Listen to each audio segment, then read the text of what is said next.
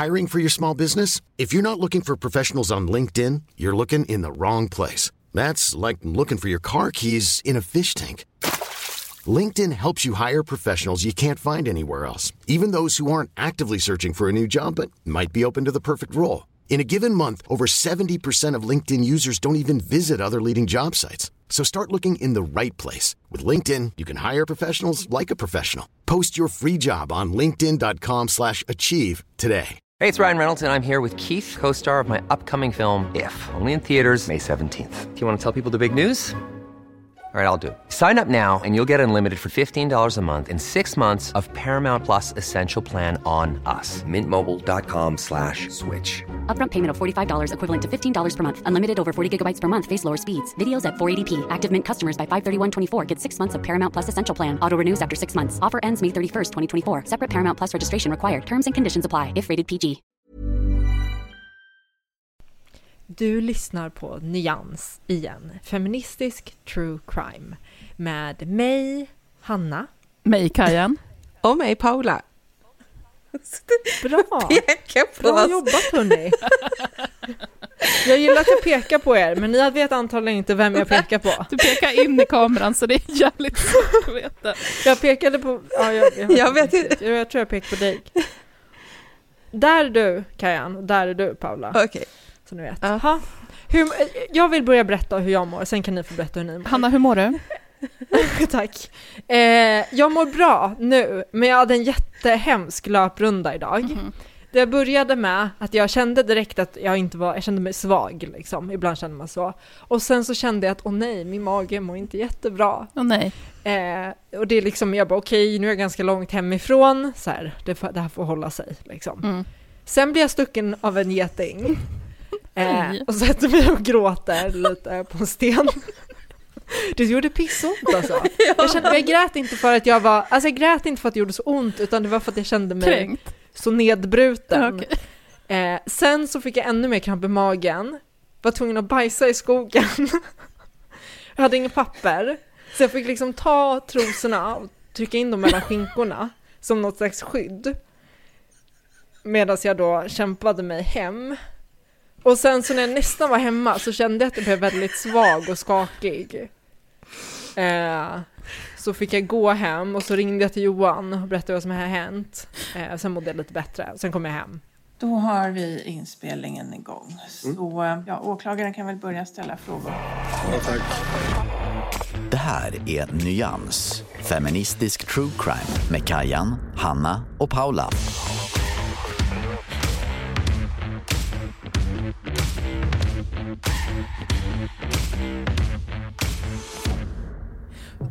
Fanns det inga löv i skogen?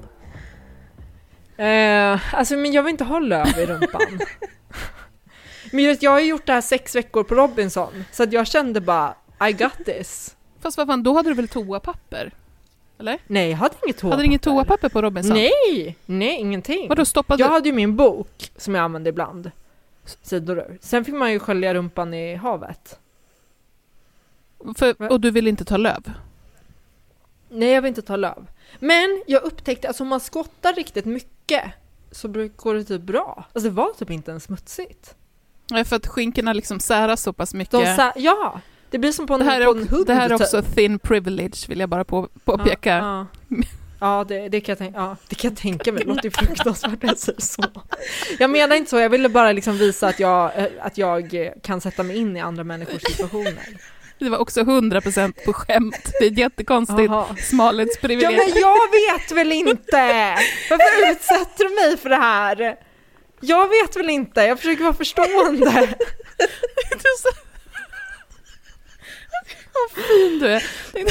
Det är inte, det är som att en så här, Men alltså du skulle kunna säga vad som helst jag hade bara ja. så här i kampen mot förtrycket mot feta så är det här bara, ja fast vi skottar och bajsar, det spelar ingen roll hur mycket vi särar för det kommer ändå Nej. bajs på skinkorna.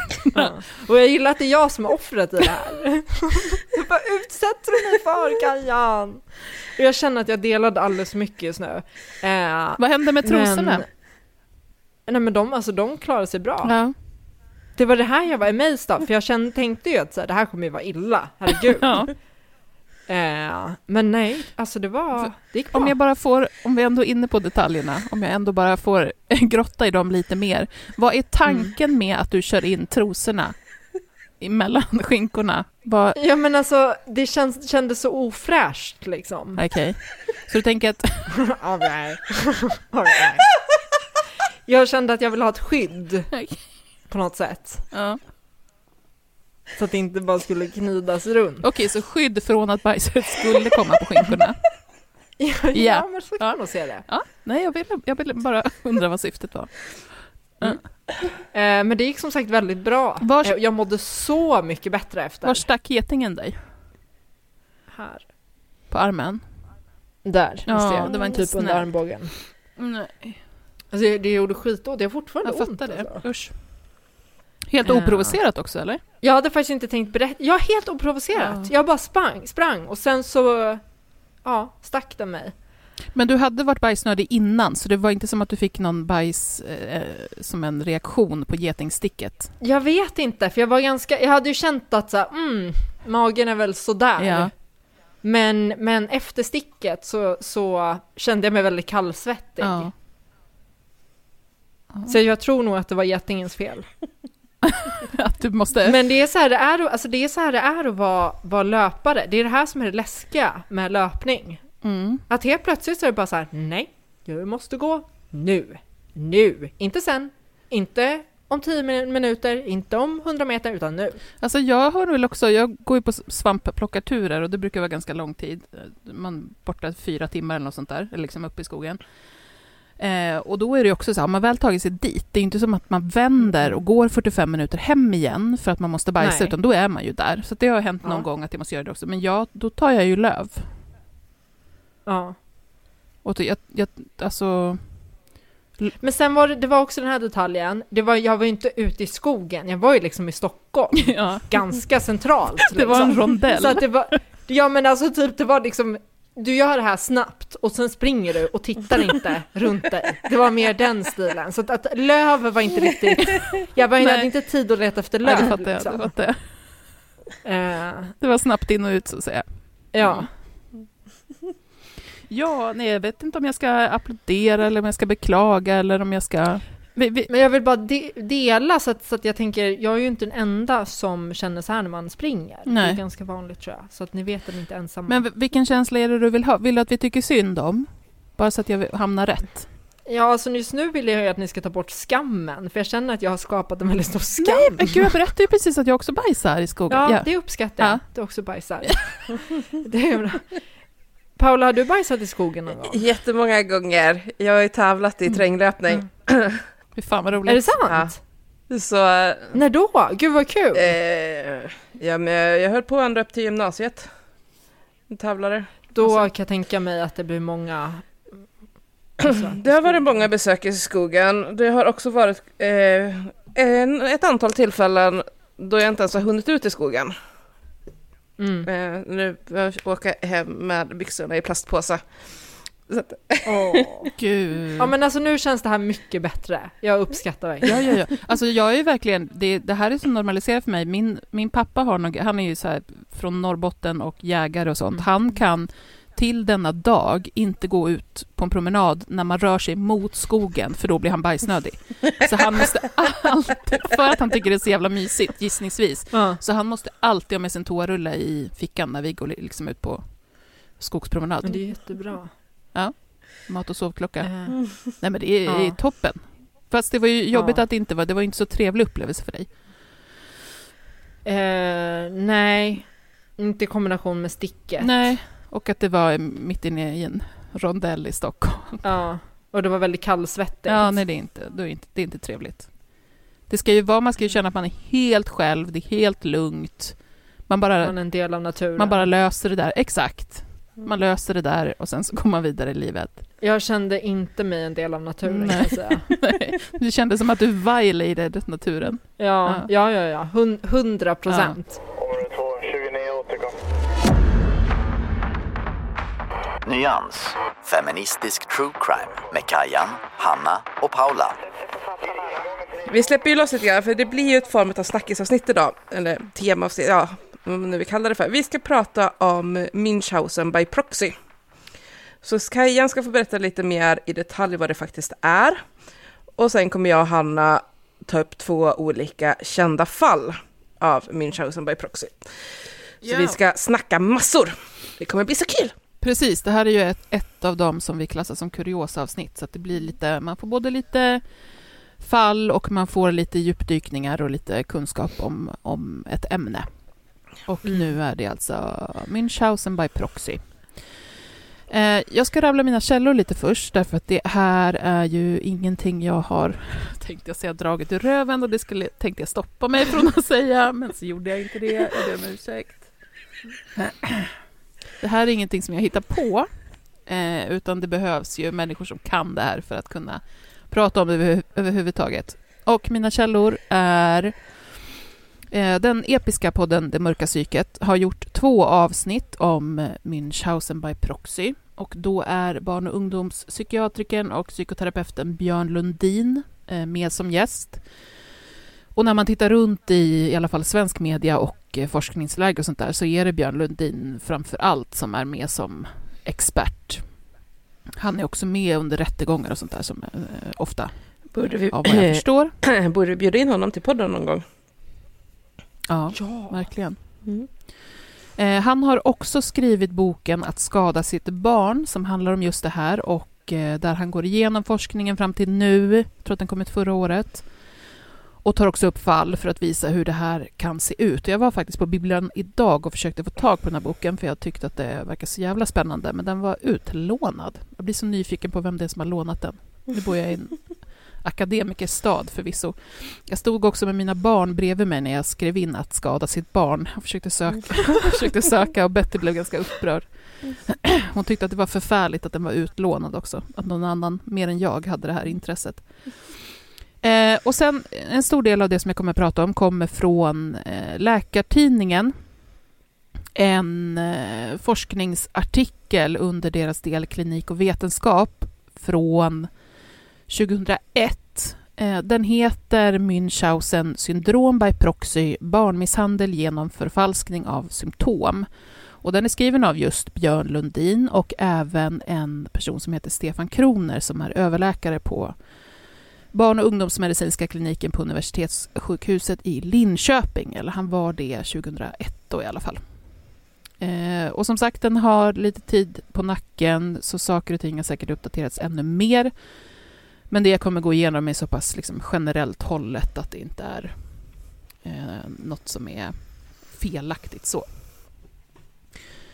Eh, jag har kollat en del på Wikipedia också, men det är mest eh, alla saker runt omkring med, med lite personer och lite sånt där. Så att det inte, behöver ni inte veta exakt vad det är, tänker jag.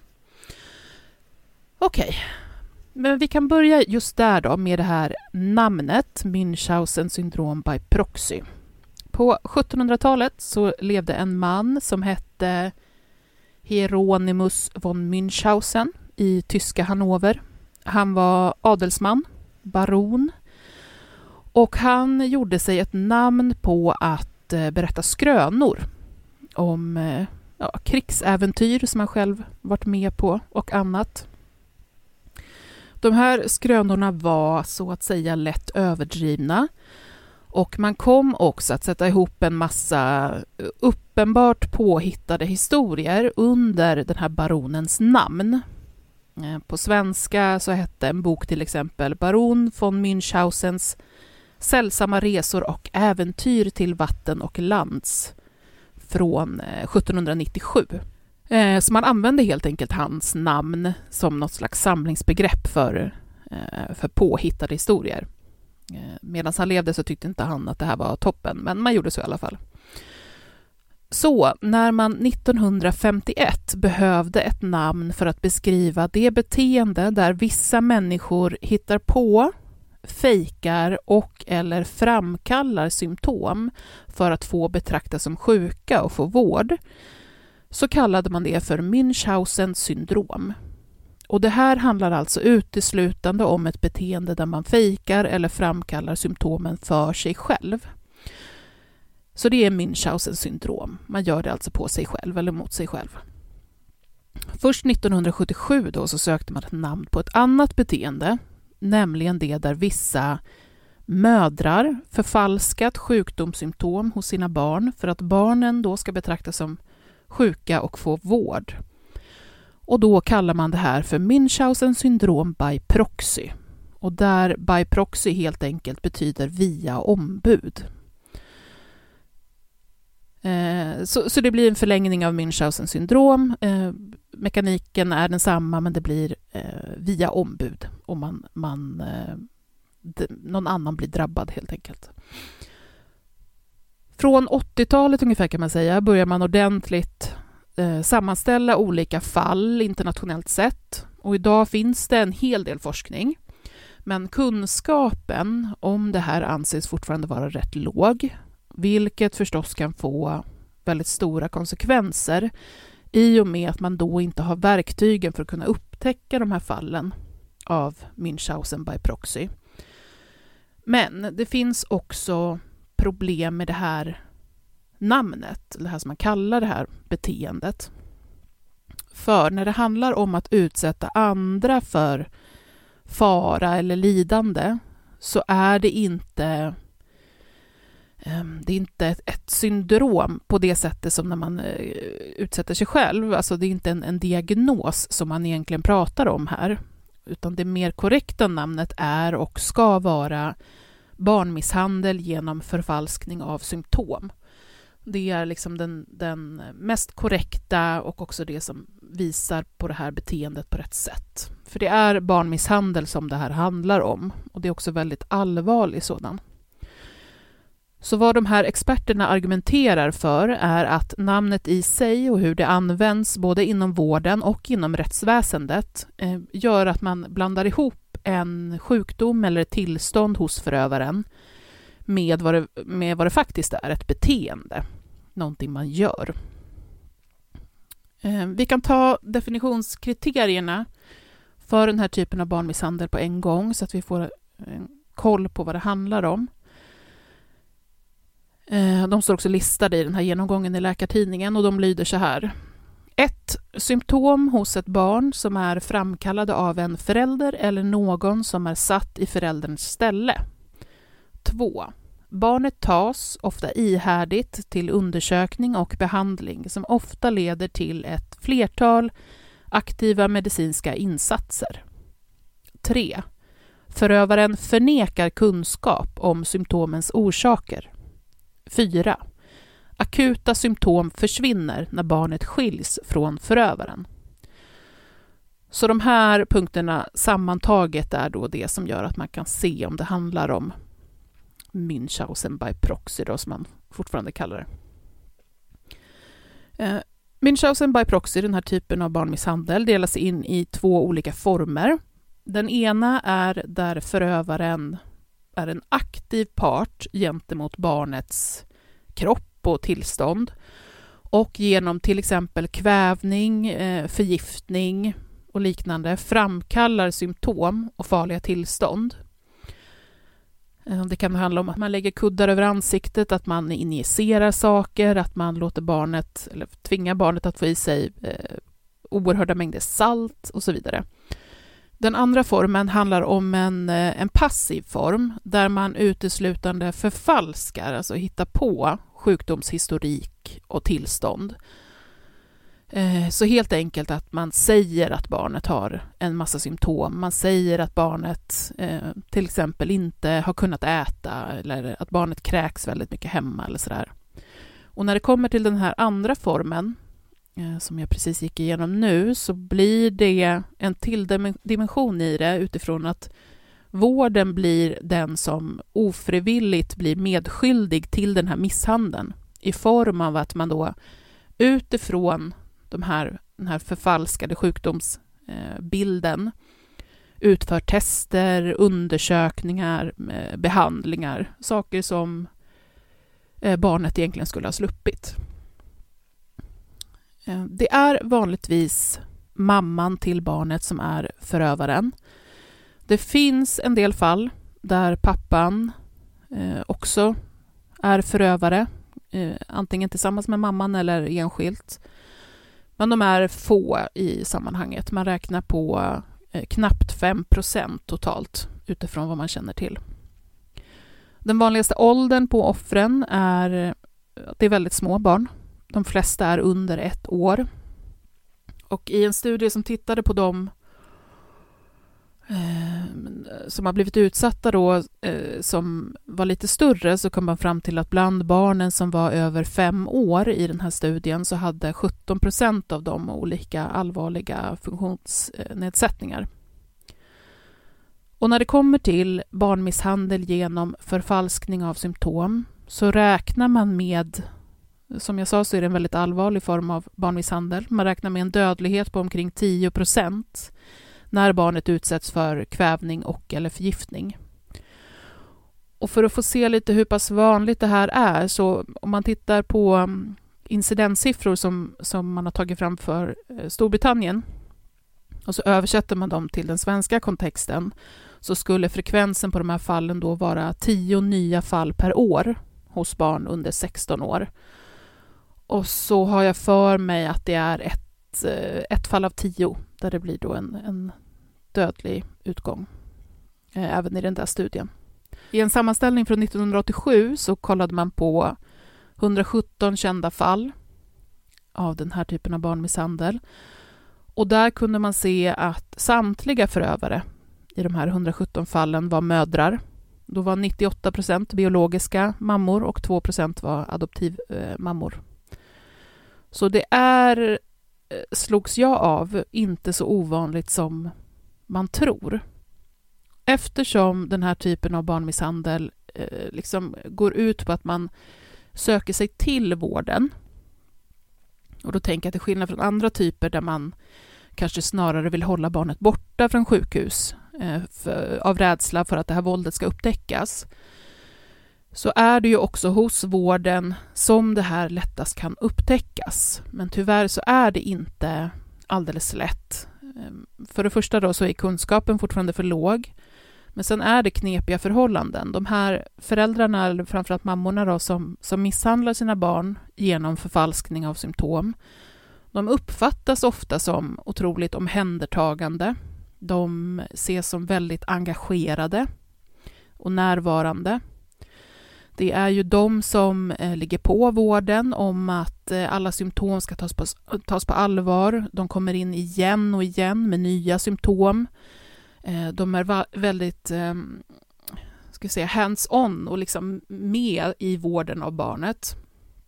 Ibland då till och med på ett rätt överdrivet sätt. Där man kan se att de här mammorna vill liksom vara en del av gemenskapen som sjukhusmiljön och vården innebär. Och de blir ju också, både som egenskap av att vara vuxna personer och som vårdnadshavare, väldigt viktiga personer i form av att det är de som sitter på informationen om, om symptomen för barnet. Så. I Läkartidningen, jag ska läsa en liten bit, eh, man beskriver hur det här kan se ut hos de här mödrarna. Då står det så här. Mödrarna tar nära kontakter i en personlig ton med personalen. De organiserar och pysslar om övriga föräldrar och besökare på avdelningen. De sätter sig in i avdelningsrutiner, introducerar ny personal, visar hur utrustning fungerar och när den ska användas. Den förövande modern beskrivs också som outtröttlig i sitt stöd till barnet. Hon viker inte från dess sida och överlåter inte gärna åt personal att sköta barnet. Vid närmare betraktande beskrivs emellertid mödrarnas sätt att relatera ofta som ytligt. De är svårfångade och svarar undvikande på frågor om sina sociala omständigheter. Men samtidigt då så har man kunnat se att de här mammorna inte oroar sig för barnets mående på ett adekvat sätt. Alltså det är på ett sätt som inte är rimligt i förhållande till den symptombild de, de ändå målar upp. Eh, och det kan man se också att de ofta är väldigt uppmuntrande till nya behandlingar, till eh, fler tester, till nya vårdinsatser på ett sätt som en annan förälder kanske skulle vara mer tveksam inför. eftersom man då vet att det här kan innebära kanske smärta för barnet eller, eller obehag, oro. Eh, men där de här mammorna är väldigt uppmuntrande mot vårdpersonalen och väldigt påstridiga. Och man tar i Läkartidningen som exempel från eh, ett svenskt fall då, där mamman på ett väldigt eh, hon kommer in till akuten med sitt barn och på ett väldigt aggressivt sätt så kräver hon att hennes barn ska sättas i respirator eftersom hon menar då att barnet hade astma. Barnet uppvisade ju inte några som helst symptom och hon fick såklart inte som hon ville. Och det här gjorde att hon blev väldigt arg och eh, lämnade akuten med barnet. Och det trots att man från sjukhusets sida hade erbjudit mamman att man ska lägga in barnet för övervakning. Men det avböjde hon och nekade till då när hon inte fick den här eh, respiratorn som hon hade krävt. Man kan också säga att i de här situationerna när eh, ja, situationstecken, en vanlig förälder skulle bli lugnad av att höra att eh, nej men det här som ni oroar er för, det är ingenting, eller det är ingenting allvarligt, eller, eller det kommer gå över av sig självt, så reagerar de här föräldrarna annorlunda. De är påstridiga i den situationen, de är oresonabla och de tycker inte sällan att de vet mer än sjukhuspersonalen.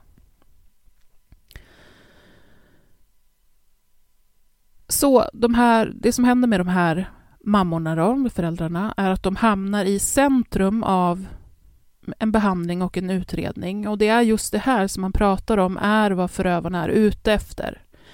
Det kan eh, vara, eh, tänker man sig, ångestlindrande och helt enkelt en, en rätt tillfredsställande eh, upplevelse för dem, där de får känna sig väldigt betydelsefulla och viktiga. Och man har i studier förstås tittat på förövare i fall som man känner till och deras eh, livserfarenheter och, och mående och utifrån det har man försökt dra slutsatser om motiv och vad det är som driver den här typen av misshandel. Men eftersom det är otroligt ovanligt att förövaren erkänner så kan man ju inte, man kan inte fråga dem rakt ut så att säga på, på vad det är som driver dem till det här utan man får försöka hitta andra indikatorer. Om man pratar utifrån det då, eh, som man har tittat på, om att det huvudsakliga motivet grundar sig i hos förövaren en känsla av att sakna bekräftelse och uppmärksamhet. Och om man då gör sig själv till en förälder till ett väldigt sjukt barn så får man både den bekräftelsen och den uppmärksamheten. Eh, och det här eh, kan förstås kännas väldigt skönt och och eh, är en känsla som man vill få tillbaka om man fastnar i det där. Så vem är den här förövaren då? Jo, i den här sammanställningen som jag nämnde av 117 kända fall så kunde man se att de här kvinnliga förövarna nästan alltid beskrivs som eh, att de uppfattas som vänliga och socialt välanpassade. Eh, den vanligaste psykiatriska diagnosen som man kunde hitta hos dem eftersom att Münchhausen by proxy inte är en psykiatrisk diagnos, eh, var depression. Och tidigare personlighetsstörningar som man har kunnat se är histronisk personlighetsstörning. Det här kan vi diskutera sen, för det är ganska intressant. Den kallas också, eh, i alla fall enligt eh, Wikipedia och några till psykologsajter som jag har sett, Ehm, för hysterisk och psykoinfantil personlighetsstörning. Det beskrivs då som eh, en personlighetsstörning där personen har problem eh, med omgivningen för att vederbörande är överteatralisk, eh, sexuellt utmanande och överdrivet mån om att tilldra sig andras uppmärksamhet. Och det är betydligt vanligare att kvinnor diagnostiseras med den här personlighetsstörningen och av vissa så ses den då som en motsvarighet till antisocial personlighetsstörning eller narcissistisk personlighetsstörning eh, hos män, att, det, att de kan ta sig uttryck på liknande sätt.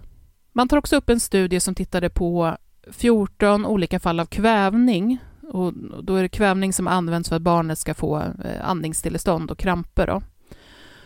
Eh, av de här 14 fallen så var 12 förövare mödrar det var också en mormor och en pappa. Av alla förövare så hade 11 varit utsatta för övergrepp eller försummelse själva. Nio hade självskadebeteenden. Eh, sju hade Münchhausen syndrom själva. Och eh, nio hade visat på eh, beteendestörningar. När man tittar lite på det här med beteendestörningar så, så kändes det ganska Eh, subjektivt vad man tyckte var intressant eh, bland beteendestörningarna just här så eh, nämnde man prostitution till exempel. Så man tänk, jag tänker att det går ganska mycket i linje med den här bilden av den histroniska personlighetsstörningen. Men vi kan diskutera det sen. Och det här var också ganska intressant. Man skriver om hur man, och det var också i Storbritannien, för att få rätt på de här Eh, fallen eftersom att det är väldigt svårt och förövaren i princip aldrig eh, erkänner vad det är den gör så införde man eh, kameraövervakning på sjukhus. I fall då där man misstänker det här så satte man in kamera. Och det här har kunnat göra att förövare har upptäckts. Så en kvinna som blev upptäckt mm, nu vet jag inte om hon var i Sverige eller om hon var i Storbritannien, men det spelar inte så jättestor roll. Eh, hon blev upptäckt genom en sån här kameraövervakning och hon hamnade ganska direkt då efter att man konfronterade henne med det här i ett eh, kraftigt depressivt tillstånd. Det var flera allvarliga suicidförsök och så vidare. Men hon fick sen behandling och det var en antidepressiv behandling. Eh, så inte en behandling enbart utifrån det här då att hon har misshandlat sitt barn utan mer en, mer en allmänt antidepressiv behandling. Och eftersom hon såklart hade blivit av med vårdnaden om sitt barn under den här tiden så diskuterades det sen, det här var ett svenskt fall, så var det, så diskuterades det sen rättsligt hur man skulle betrakta det faktum att hon blivit utskriven från den här behandlingen. Eh, man tog upp det i rätten helt enkelt, alltså var hon nu hur skulle man betrakta det här? Var hon nu botad från Münchhausen by proxy? Och, och vilka konsekvenser skulle det få? En annan väldigt viktig sak som man kan se och som det trycks på, både från de här experterna och i, i forskningen och genomgångarna, är att syskon till de här barnen och i de här familjerna väldigt ofta är drabbade. Bland de här 117 fallen som jag nämnde, eh, som man tittade på, så var det tio syskon som hade dött under oklara omständigheter när de var spädbarn. Man tar också flera andra studier som visar på en Alltså väldigt hög grad av utsatthet hos syskon. Man pratar också om, vilket också är intressant att diskutera, eh, falska anklagelser om sexuella övergrepp som en egen form av Münchhausen by proxy. Helt enkelt då där mamman falskt anklagat eh, olika män eller någon man i, i barnets närhet för att ha utsatt barnet för övergrepp. Ehm, där tog man upp också ett exempel på, på ett fall där det väldigt tydligt framkom, eller framgick hur barnet hade fått lära sig att mamman hade övat med barnet helt enkelt i att hur barnet skulle prata om de här sexuella övergreppen. Um, avslutningsvis då, går det att behandla Münchhausen by proxy? Går att behandla den här typen av barnmisshandel? Det är väldigt svårt att se eftersom de allra flesta inte erkänner och därmed inte är benägna eller vill ta emot behandling. För när man har kollat på hur effektiv behandling är så det man kan se är att eh, erkännande och liksom eh, bekräftelse av vad man har gjort Eh, och omfattningen av det är helt nödvändig tillsammans med att man generellt kan se och acceptera att man har stora problem i föräldrarollen. Men bland det viktigaste som jag tänker att jag avslutar med också är ändå, det finns eh, checklistor och sånt för vården, för liksom vad man ska titta på eh, sammantaget för att kunna hitta de här fallen. Det är mycket om mm, när eh, berättelser inte går ihop, när sjukdomshistorik, eh, det finns konstigheter med det, det stämmer inte med de provresultat och sånt som man, som man eh, får fram. Också de här sakerna som jag berättade om med, med hur mammorna agerar och beter sig, eh, som såklart inte ensamt kan avgöra något sånt här, men i en, en sammantagen bild kan det påverka. Och också, kanske framför allt, om symptomen hos barnet försvinner när man separerar det från mamman. Det vill säga man kanske behåller barnet inne för behandling och eh, mamman är inte närvarande. Om symptomen då upphör och sen när barnet åker hem så kommer de tillbaka igen, så det är också en ganska stark indikator. Men som sagt då, det viktigaste som man måste ha med sig, eh, tänker jag, eftersom att det är så otroligt vanligt, är att när man hittar ett sånt här fall där man, där man kan se att det här sker, så kan man nästan utgå ifrån att syskon i samma familj, eh, om de inte blir utsatta så löper de väldigt stor risk för att bli det. Så att när man eh, upptäcker det här så måste en, en prioritering verkligen vara att säkra andra barn eh, i familjen.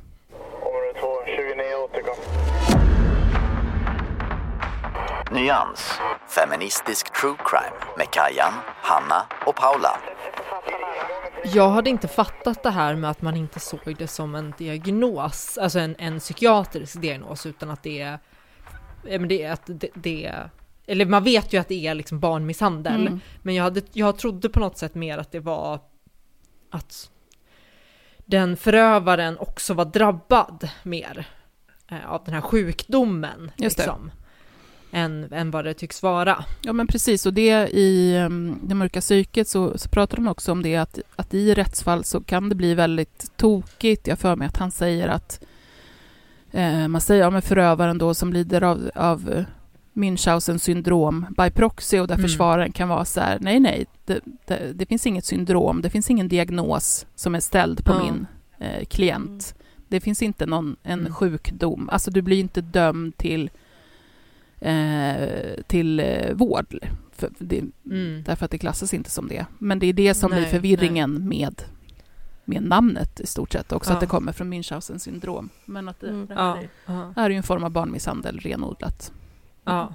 Men, jag, alltså, men jag tror också att det kan ställa till lite grann för att i USA så räknas det faktiskt som en psykiatrisk diagnos. Mm. Så att jag tänker, i och med att vi, alltså, jag tänker att de två fallen vi kommer ta idag till exempel är ju amerikanska fall. Mm. Och de mesta mm. liksom vä riktigt välkända fallen är ju från USA. Och där räknar mm. man det som, där ingår det som en psykiatrisk diagnos. Så att då, ähm, jag tänker att många kanske får den bilden till sig, men i Sverige så säger man så att nej, men det är inte en diagnos. Det här är barnmisshandel och det är andra, möjligtvis då, psykiatriska grejer som ligger till grund för det här beteendet, men beteendet i sig är barnmisshandel, punkt. Precis. Och det, och det verkar ju inte mm. som att så mycket annat ligger bakom i de, i, i de flesta fallen heller, förutom en, en depression eller liknande. Mm. Mm. mm. mm. Ja. Okej. Okay. Jag ska prata... Jag måste bara kolla mitt ljud. Det ser bra ut. Jag ska prata om ett amerikanskt fall. Mina källor är framförallt dokumentären Mommy... De, mina källor är framförallt dokumentären Mommy Dead and Dearest på HBO. Den 27 juni 1991 i Louisiana i USA föder en kvinna som heter Didi Blanchard en flicka. Den här flickan är frisk vid födseln och får namnet Gypsy Rose. Allt verkar till en början normalt, men så småningom börjar flickan bli sjuk. Väldigt sjuk. Hon diagnostiseras med alla möjliga sjukdomar, alltifrån astma till leukemi och muskeldystrofi och blir så småningom även rullstolsburen. Hon får också en PEG inopererad och en PEG är som en slags slang som man sätter på magen som går direkt in i buken som hon då får sin näring igenom. Så det här är en väldigt sjuk flicka. Hon tar också stora mängder mediciner och i den här dokumentären så ser man det här medicinskåpet som är, det är hur mycket tabletter och pillerburkar och allt möjligt i det här. Till Didis pappa, pappan och mamman skiljer sig ganska snart efter att Gypsy föds. Så till pappan och till ja, men andra i hennes omgivning berättar Didi att Gypsy aldrig kommer bli vuxen. Hon kommer dö innan hon är 20 för att hon är så pass sjuk.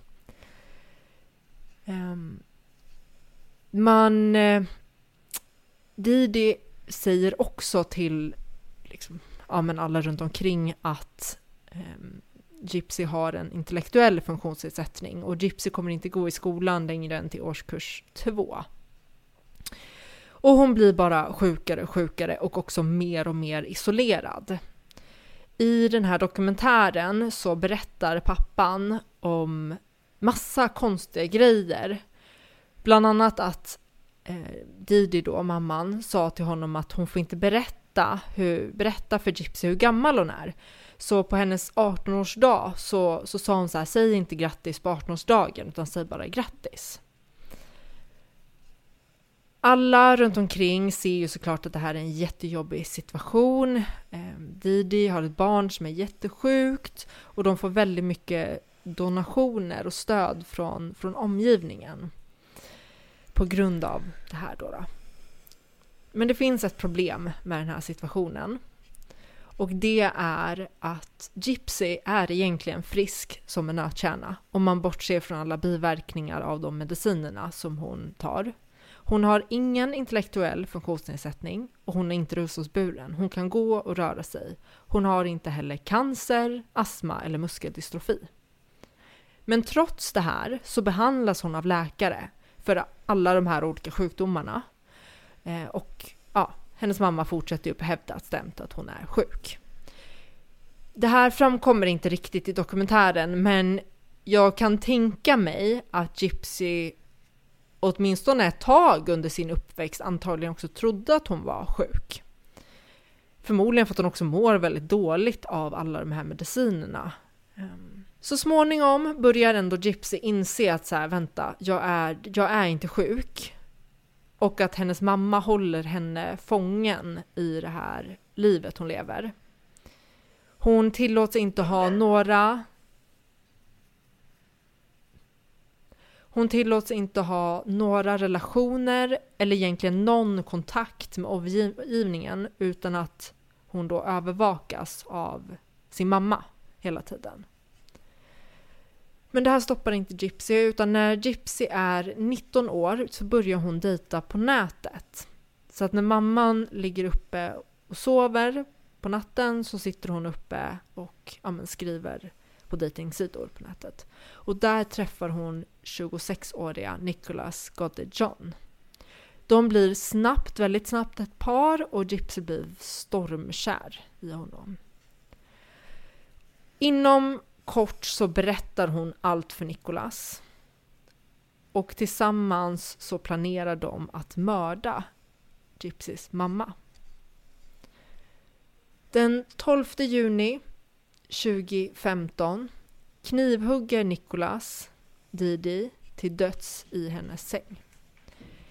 Gypsy släpper in honom i huset med vetskapen om vad han ska göra och hon gömmer sig Ehm, på toaletten när han utför mordet och de har tillsammans planerat det här mordet. Enligt Gypsy så ville Nicholas också våldta mamman men Gypsy ska då ha sagt till honom att våldta mig istället vilket hon menar att han också gjorde. Efter det här så flyr Gypsy och Nicholas från platsen och åker så småningom hem till Nicholas familj. På Facebook så har Gypsy ett gemensamt konto med sin, sin mamma och där så skriver hon bland annat “The bitch is dead”. Och det här får ju folk såklart att reagera. Och Polisen åker så småningom hem till Didi och hittar henne död, knivhuggen, i sängen. Det tar inte lång tid för polisen att lista ut vad det är som har hänt och man hittar Gypsy och Nicholas snabbt. Nicholas erkänner mordet och så småningom så gör Gypsy detsamma. Gypsy nekar till en början till att hon skulle ha varit inblandad i det här, men, men så småningom så kommer hon erkänna och hon kommer också um, plead guilty till, inte till, de har ju massa så här first degree murder, second degree murder, en annan uppdelning än, än i Sverige. Så det är lite svårt att översätta direkt, men inte till liksom mord, utan som jag förstår det, en mildare variant. Nicholas döms till livstidsfängelse för mordet på på Didi och också för livstidsfängelse plus 25 år för vapenbrott. Och Gypsy döms till 10 års fängelse med möjlighet till att bli frigiven efter åtta och ett halvt år. Så att nästa år, 2024, så kommer Gypsy att släppas. En, en stor del av försvaret, Gypsys försvar, handlade ju om att hennes mamma skulle ha utsatt henne för den här barnmisshandeln som har pågått i hela hennes liv. Och i alla fall utifrån dokumentären så blir det väldigt tydligt att det handlar om ett, ett, ett case av eh, Münchhausen by proxy och att hon har utsatt Gypsy ja, ja, hela hennes liv. Men jag, jag kan inte låta bli att reagera på just det här med att hon får åtta och ett halvt år och att eh, Nicholas får livstidsfängelse. Det är ju en enorm skillnad. Och det här är ju ändå ett mord som de har tillsammans planerat. Hon har varit, Gypsy har ju varit precis lika delaktig som Nicolas utöver det faktum att hon är inte den som har eh, knivhuggit honom, eller knivhuggit henne. Mamman då. då. Så det... Åtta och ett halvt år är ju väldigt lindrigt. Det är väl att man eh, såg det här som hon har blivit utsatt för, för som, som så kraftiga eh, förmildrande omständigheter. Mm. Ja, mm. det är ju exakt det. det man bedömer det ju mer eller mindre vara i självförsvar från hennes sida, men oförsvarligt från hans sida. Mm. Ja, det skulle jag säga är korrekt. Um, ja. Jag tror inte att det hade blivit så här i Sverige. Jag tror inte att man hade tagit eh, all den här barnmisshandeln till att det hade reducerat straffet på den här nivån från livstid till åtta och ett halvt års fängelse. Jag tror inte det. Eh, jag tror definitivt att man hade fått ett reducerat straff för, för det man varit utsatt för och den situationen, men inte, inte på den här nivån, det tror jag inte. Tycker du att det var fel att de fick för lindrigt? Eh, jag känner, nej, jag känner inte att jag kan... Jag känner, jag känner faktiskt inte, efter att ha sett dokumentären och så har jag läst lite olika artiklar och sånt där, jag känner inte att jag eh, är... Jag känner inte att jag är liksom i en position att kunna göra nej. någon bedömning. Mm. Egentligen. Eh, jag är ju väldigt präglad också. Jag är väldigt präglad av det svenska rättssystemet. Mm jag menar, det är ju det jag är skolad i och att tänka på ett visst sätt kring också strafflindring och sådär. Och jag är väldigt, det sitter ganska djupt i mig att så här, just den här faktum att, ja men det, det hon blev utsatt för är fruktansvärt, all barnmisshandel under hela uppväxten. Det är fruktansvärt och inte på något sätt liksom, okej. Okay. Men, men att mörda någon är ändå inte, liksom, det är inte, det får Nej. man inte göra som, som ett försvar. Eh, men, men så jag bara, jag bara känner att den, den sidan av mig pockar mm. på lite grann i det här.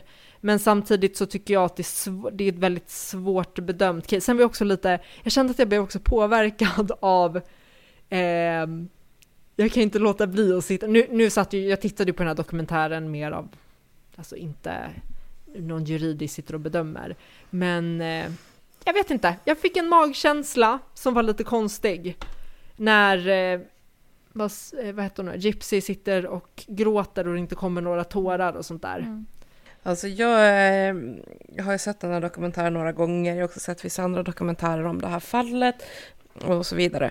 Och eh, jag kan ju tycka att det är rimligt att man tar hänsyn till det hon har varit med om och sådär.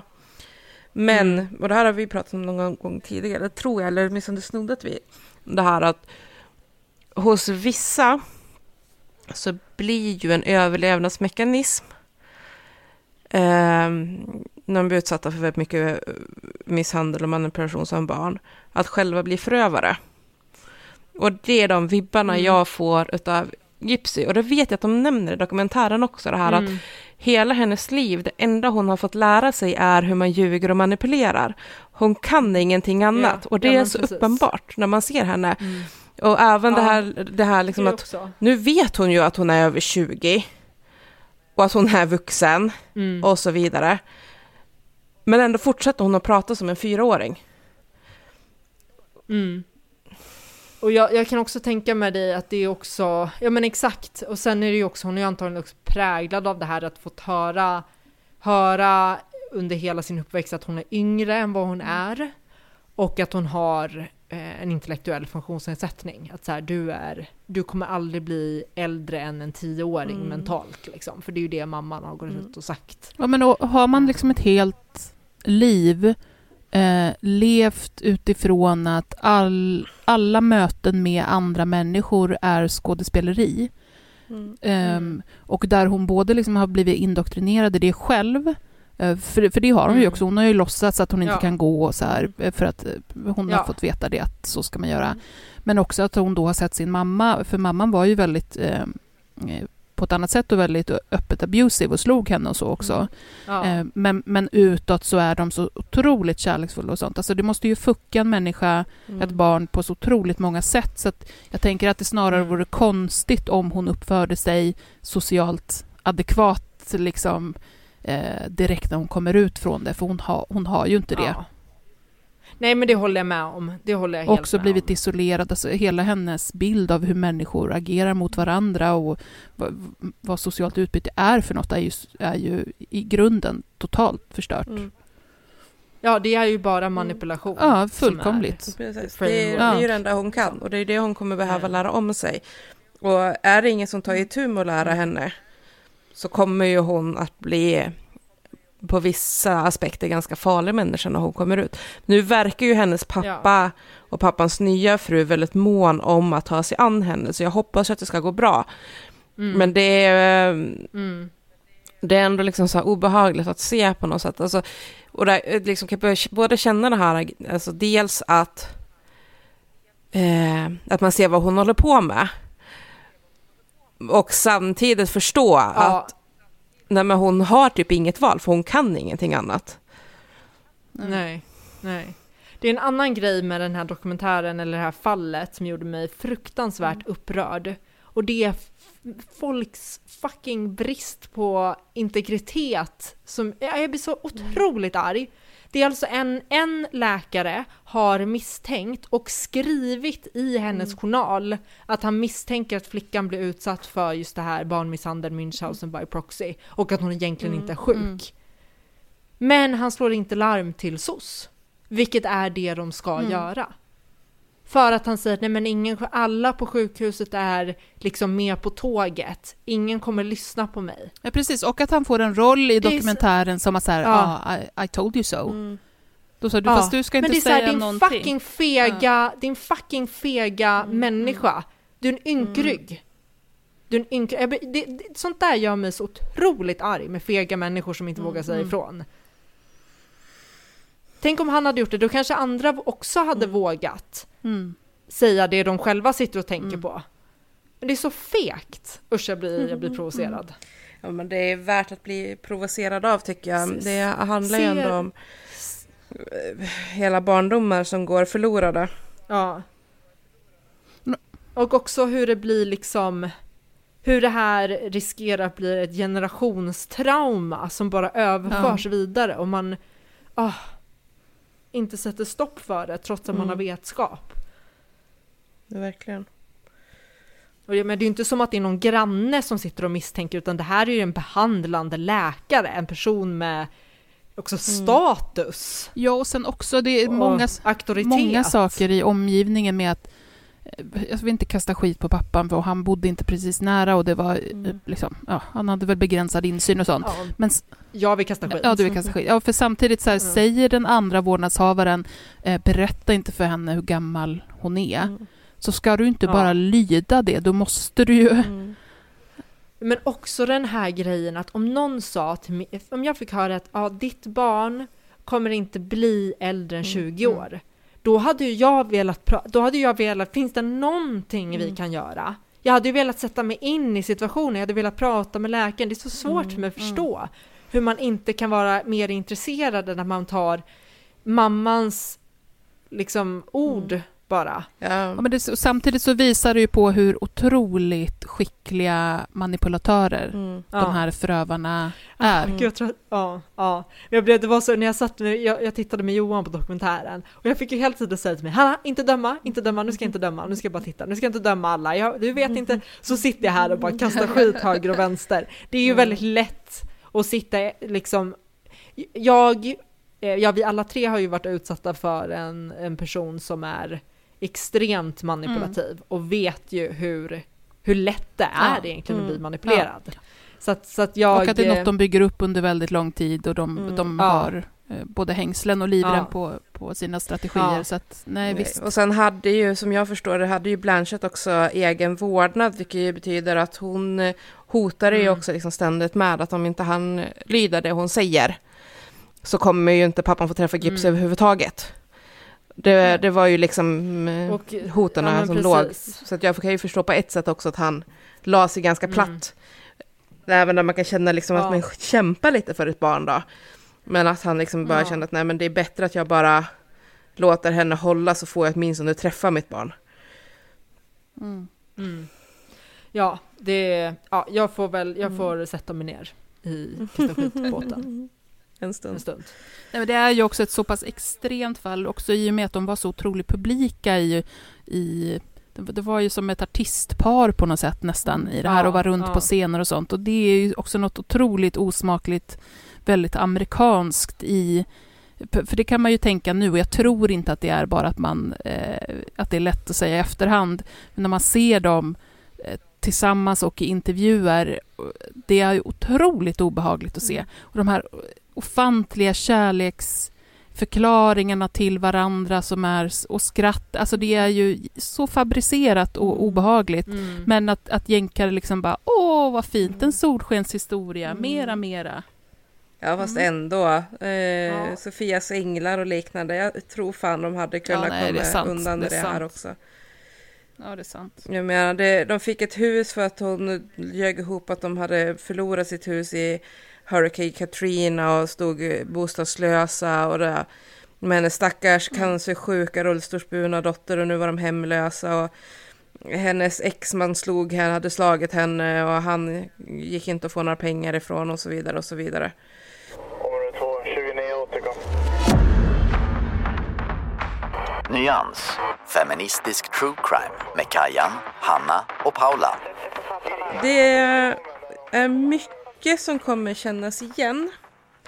För precis som du sa Kaja när du drog lite kring själva det här fenomenet så finns det ju lite gemensamma drag och taktiker på olika sätt. Vilket gör att det, ja, som sagt, det finns mycket som man kommer känna igen, dels ifrån hur du har beskrivit Münchhausen, men också utifrån eh, eh, fallet med, med Gypsy och eh, Blanchett kan vi säga då. Och jag ska då berätta om Lacey och Garnet Spears. Samma efternamn som Britney Spears, men ingen eh, relation som jag har förstått det. Så Lacey Spears eh, är född 1987. Hon eh, växte upp i en eh, ganska så basic småstad. Populär i skolan, ansågs vara rätt snygg. Eh, och eh, var med i bland annat eh, debattlaget i, när hon gick i högstadiet gymnasiet och var väldigt, väldigt duktig på att debattera. Eh, en som var kompis med henne under uppväxten sa att hon kunde liksom övertala folk till nästan vad som helst. Hon var så bra på att argumentera för sig. Så hon var superbra att ha med i det här eh, debattlaget. Men ganska tidigt så är det också de som eh, säga att även om hon på ytan upplevde som väldigt trevlig och väldigt normal, eh, med väldigt normal uppväxt, så fanns det saker som var konstigt. Bland annat som att hon hade en väldigt udda relation till sin mamma, där man, folk har vittnat om att hon kunde se liksom mamman var framförallt verbalt våldsam mot Lacey, men också från ingenstans nypa henne bland folk, eh, om Lace hade sagt eller gjort någonting som mamman inte tyckte om och sådär. Och hon ja, hade ett konstigt beteende helt enkelt mot Lacey. Eh, det är också vänner som har berättat om hur hon hade väldigt, väldigt nära till våld om hon blev arg. att hon, eh, ja det fanns ett exempel, där hon sitter och leker med en kompis med dockor. Och de är ungefär 11 år gamla. Och den här kompisen gör någonting med sin docka som Lacey inte tycker om. Och från ingenstans så bara slänger sig Lacey över sin kompis och försöker strypa henne. Det finns liksom ingen förvarning, ingenting, utan bara pang på. Eh, just det, jag glömde säga källa. Att jag har framförallt då utgått ifrån en eh, dokumentärserie. Nu är det här andra säsongens andra avsnitt handlar om det här fallet. Och det är en serie som finns på Discovery eh, som heter Deadliest Mums and Dads. Eh, men också lite olika artiklar från amerikansk media framförallt då, om det här fallet. Eh, men i den här eh, dokumentärserien så har de med en psykolog, bland annat, då, som, som berättar liksom att eh, när barn har så pass nära till våld och framförallt till mer explicit typ av våld, typ stryptag, som är liksom annars ganska ovanligt att man har som första grej att ta till. Eh, så, sånt, så beror det nästan alltid på att det är ett barn som själv har bevittnat den typen av våld eller själv blivit utsatt. Eh, för att annars så hos, hos små barn eller liknande, om de blir arga och så här, så de liksom, vanliga impulserna är att slänga någonting eller försöka slåss. Eh, för att det, det är sånt som ligger nära i våra reflexer mer eller mindre, att bara sula iväg någonting. Men att slänga sig över någon och, och försöka strypa det hör inte till vanligheterna. Eh, när Lacey är runt 15-16 så börjar hon sitta barnvakt. Eh, man, man, pratar om att hon är fruktansvärt, fruktansvärt barnkär och att hon pratar hela tiden om att hon vill ha barn, att hon verkligen drömmer om att få barn snart och så här, och att då få sitta barnvakt blir liksom som en väg in i det här att få eh, ta hand om barn. Men efter ett litet tag in i det här så får mammorna till de här barnen reda på att när folk träffar Lacey när hon är barnvakt Eh, och de säger, alltså, ja, de har varit i en lekpark eller liknande och någon säger någonting om det här barnet som hon passar. Så ljuger Lacey och, och hävdar att hon är mamman till barnet. Och det uppskattas ju inte jättemycket av de som har anlitat henne som barnvakt. Så att hon eh, blir mer eller mindre av med det här. Eh, och när hon då inte får sitta barnvakt längre så hävdar hon ganska snart in på det här att hon har blivit gravid. Eh, men ingen förstår hur. Och hon vägrar säga någonting om hur hon har blivit gravid. Eh, och ingenting händer. Hon eh, går ett tag, och tycker så här, snart borde det börja synas, att vänner och i skolan och så har de börjat ifrågasätta liksom att men om du är gravid, varför syns det ingenting? Äh, då hävdar hon att nej, jag, har, jag gjorde en abort eh, på det här sjukhuset och så nämner hon ett sjukhus. Eh, varav en, en annan kompis säger så här, fast på det där sjukhuset gör man inga aborter.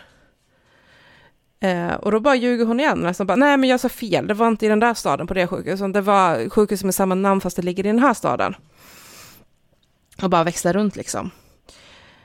Och kompisarna tycker ju det här är jättekonstigt, att eh, hon som har pratat så många år om hur, hur himla gärna hon vill bli mamma, och så blir hon gravid och gör abort, det känns ju jättemärkligt. Så de får liksom inte ihop det där. Men när Lacey är 20 så kommer hon igen och säger att nu är hon gravid. Och hävdar nu att eh, pappan till det här barnet är en eh, några år äldre poliskonstapel som har dött. Och det här gör ju att folk tycker jättesynd om henne. Stackars hon som eh, väntar barn och redan har blivit ensamstående. Och dessutom då att det var en, en polis som ju har så himla högt anseende i USA. Så hon blir väldigt liksom upppassad på. Man tycker väldigt synd om henne. Och Lacey gillar sociala medier. Så att hon skriver om det här också i, i sociala medier. Hon har bland annat MySpace, jag tror att det var Twitter också och även Facebook så småningom. Um, hon skriver där liksom att hon är, så, är, för ung för att redan ha förlorat sin själsfrände. Uh, att hon, hon, är inte redo att behöva vara ensam i det här. Hon får jättemycket sympatier. Så i december 2008, uh, eh, när Lacey är 21 år, så föds då Garnet. Och precis som Gipsy eh, verkar allting jättebra när han har fötts. Han verkar vara en frisk och stabil pojke, allting ser jättebra ut och han och Lacey får åka hem. Men när Garnet sen är nio dagar gammal så kommer Lacey in med honom till akuten. Han krampar och mår inte alls bra och hon är jätte, säger sig vara jätteorolig och undrar vad det är som har hänt. Man tar prover och upptäcker att garnet har väldigt, väldigt höga saltvärden i kroppen. Eh, han skickas akut till eh, en eh, annan barnintensiv för att försöka lösa det här. Då eh, saltförgiftning bland annat och kan leda till eh, att hjärnan sväller och det blir hjärnskador som kan leda till döden. Eh, det går bra, ingenting händer, alltså de, de lyckas eh, hantera det här så att garnet blir frisk igen. Men de kan inte förklara saltet. Och Lacey hävdar att hon inte vet alls vad som har hänt. Men han får åka hem och det dröjer inte länge innan Lacey är tillbaka på sjukhuset och hävdar nu då att garnet bara kräks och kräks och kräks, han får inte behålla någon mat. Eh, och man diskuterar det här fram och tillbaka. Och eh, efter mycket om och men, alltså det här, det går bara dagar emellan den här äh, attacken och att man då precis bestämmer sig för att operera garnet utifrån eh, Lacys vittnesmål om hans symptom. Så han är alltså nio veckor gammal fortfarande när han då blir opererad första gången. Eh, och då sätter man in som en form av filter i hans matstrupe så att han inte ska kunna kräkas. Eh, så att han eh, ska kunna få äta och behålla maten och inte kräkas. Och det här ska vi komma ihåg, för det kommer tillbaka sen nämligen. Under Garnets första år i livet så är han inlagd på sjukhus 23 gånger för olika typer av symptom. Med eh, ja, kramper, kräkningar, buksmärtor, infektioner av olika slag. Ehm, och hela tiden så uppdaterar Lacey i sociala medier om sin stackars pojke som har fått kämpa för livet sedan dag ett och hon kan inte förstå hur han ska kunna ha sån otur och varför han är sjuk hela tiden och kan inte Gud hjälpa honom liksom. Och hon får jättemycket sympatier i sociala medier från familj och vänner och även en annan okänd. Men också då på sjukhuset. Eh, när han är några månader gammal så sätter man en sond, alltså en sån piggknapp, för mat. Då man i USA vid den här tiden fortfarande använde sig av diagnosen failure to strive. Alltså, eh, det finns ju typ ingen svensk översättning på det. Men misslyckande att frodas, typ. Eh, de, de helt enkelt menar liksom att hur mycket mat han än får i sig eh, genom att äta så kräks han upp för mig, alltså kan han inte tillgodogöra sig den. Nu kan han ju inte kräkas längre, men att han inte tillgodogör sig den. Och man gör bedömningen liksom då att genom sondmatning så att han får maten direkt in i buken ska, ska kunna hjälpa. Eh, men vänner runt omkring börjar ju reagera här nu när garnet är runt ett år. För trots att han har den här sonden på magen och Lace ihärdigt hävdar att ja, men han kan inte äta någonting, han bara kräks hela tiden, det är därför han måste ha det här.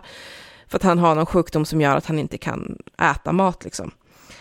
Så sitter hon med honom på bland annat mexikansk restaurang och han får käka starka såser när, när hon är med en vän på McDonalds så äter garnet upp vännens hela portion med mat, så vännen får gå och köpa en ny portion.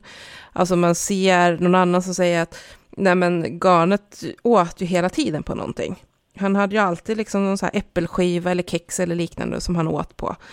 Eh, och då menade Lacey liksom att nej, men han äter inte egentligen, han bara gillar att få liksom knapra på någonting, men han får inte i sig någonting. Det här leder i alla fall till att flera vänner gör anonyma anmälningar till eh, socialen. Eh, där, där de bor. Och eh, när socialen då börjar kika in på det här, vad det är som händer, då flyttar Lacey. Och byter delstat, vilket gör att sekretessen gör att eh, nu får man inte, alltså kan man inte följa vad som händer, var hon tar vägen.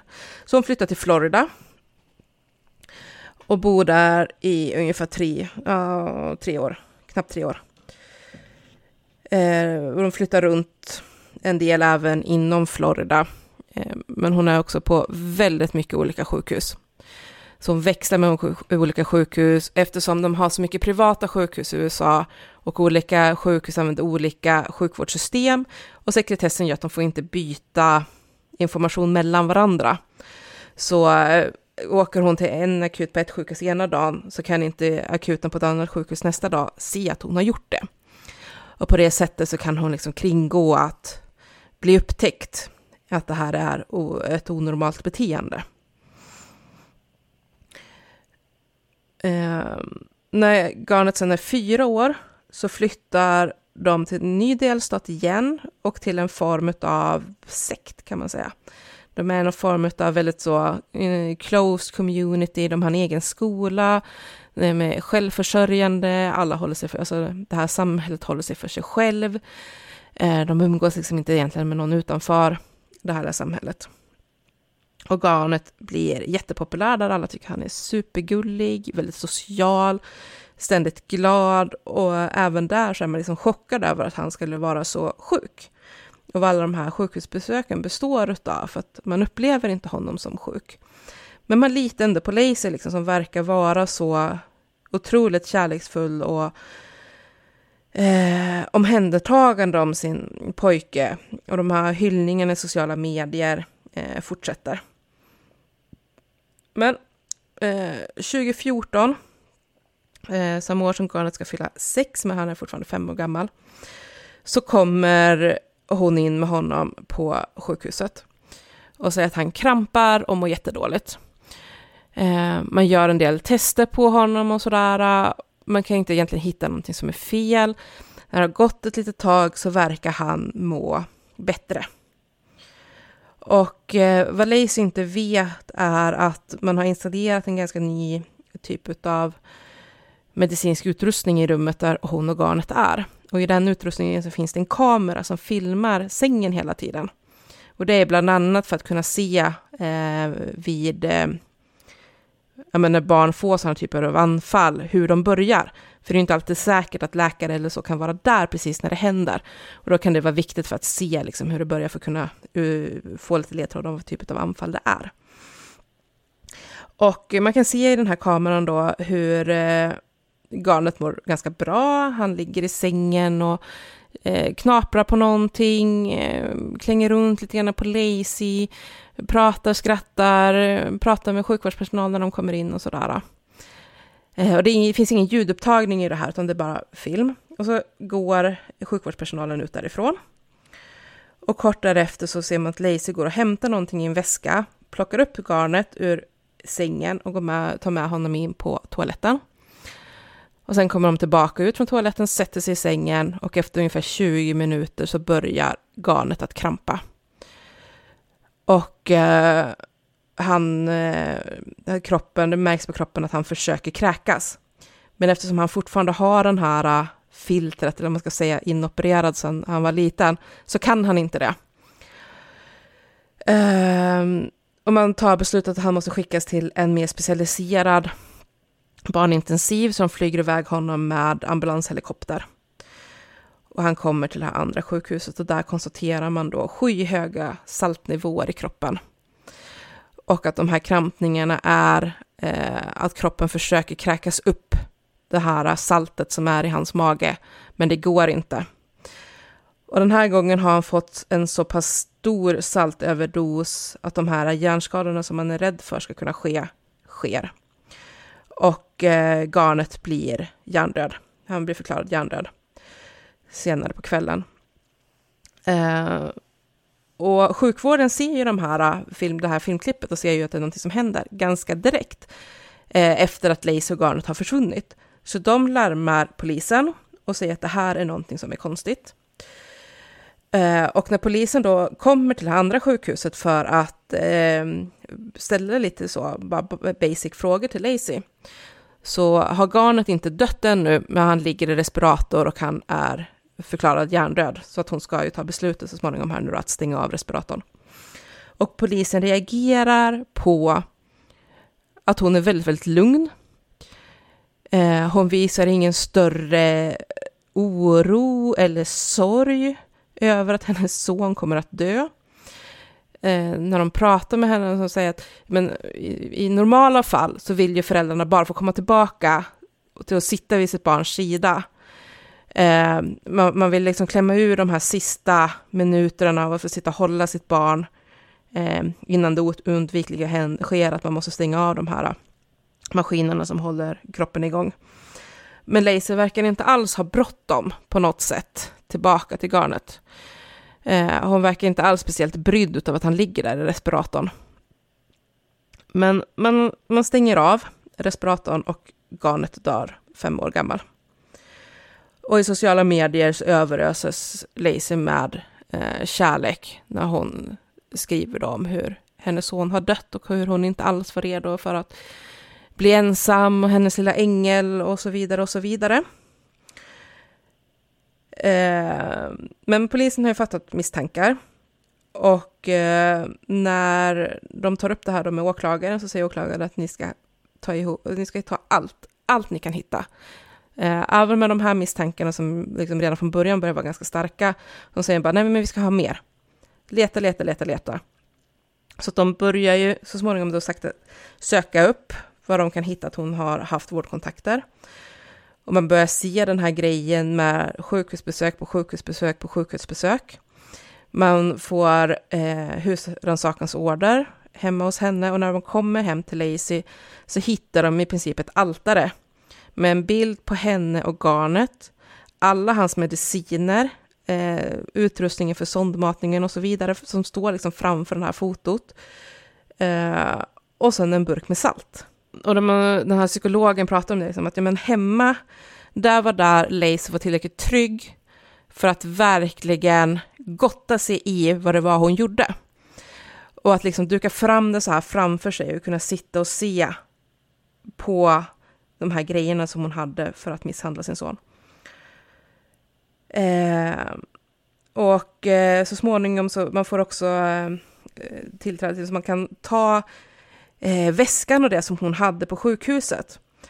Och när man gör analyser på sondmatningen, alltså det pulvret som man blandar till sondmatning, så konstaterar man att den var utblandad med jättestora mängder salt. Eh, man gör också eh, eh, en genomgång av hennes dator, där man kan se att hon dagarna innan garnets död sitter och googlar på grejer som hur mycket salt behövs för att döda ett barn. Och när man har liksom eh, kunnat samla ihop alla de här grejerna så tar man det här till domstol. Så att ungefär, ganska på, precis på dagen, ett år efter att garnet dör, så grips Lacey.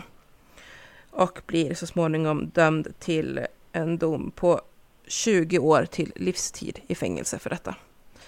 Och hon nekade ju rakt igenom att hon skulle ha gjort mm. någonting mot garnet. Hon hävdar att det är sjukvården som har felbehandlat honom. Helt sjukt, alltså, nu tänker jag amerikanska mått mätt. Hur, hur sjukt att hon inte fick livstid mm. rakt av. Mm. Men det är ju antagligen eh, för att hon var relativt ung, hon var söt och hon var mm. jävligt mm. duktig på att prata för sig. Eh, mm. Alltså i Sverige känns det som att det hade blivit livstid, i alla fall så som Ja, men dagens idag. hade det blivit, absolut. För det är så utdraget ja. och det är så grymt.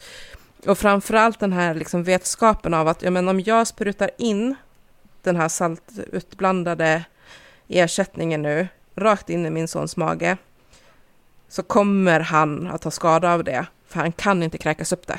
Mm. Normalt, mm. som det, mm. men i den här typen av saltdos, så hade ju, man ju, kroppen gjort sig av med det man hade kräkts upp det mm. och så hade mm. det funnits stora möjligheter att klara sig. Men eftersom han redan har fått en operation som gör att han inte kan kräka så kan han inte försvara sig. Men alltså det här är ju planerat från mm. början.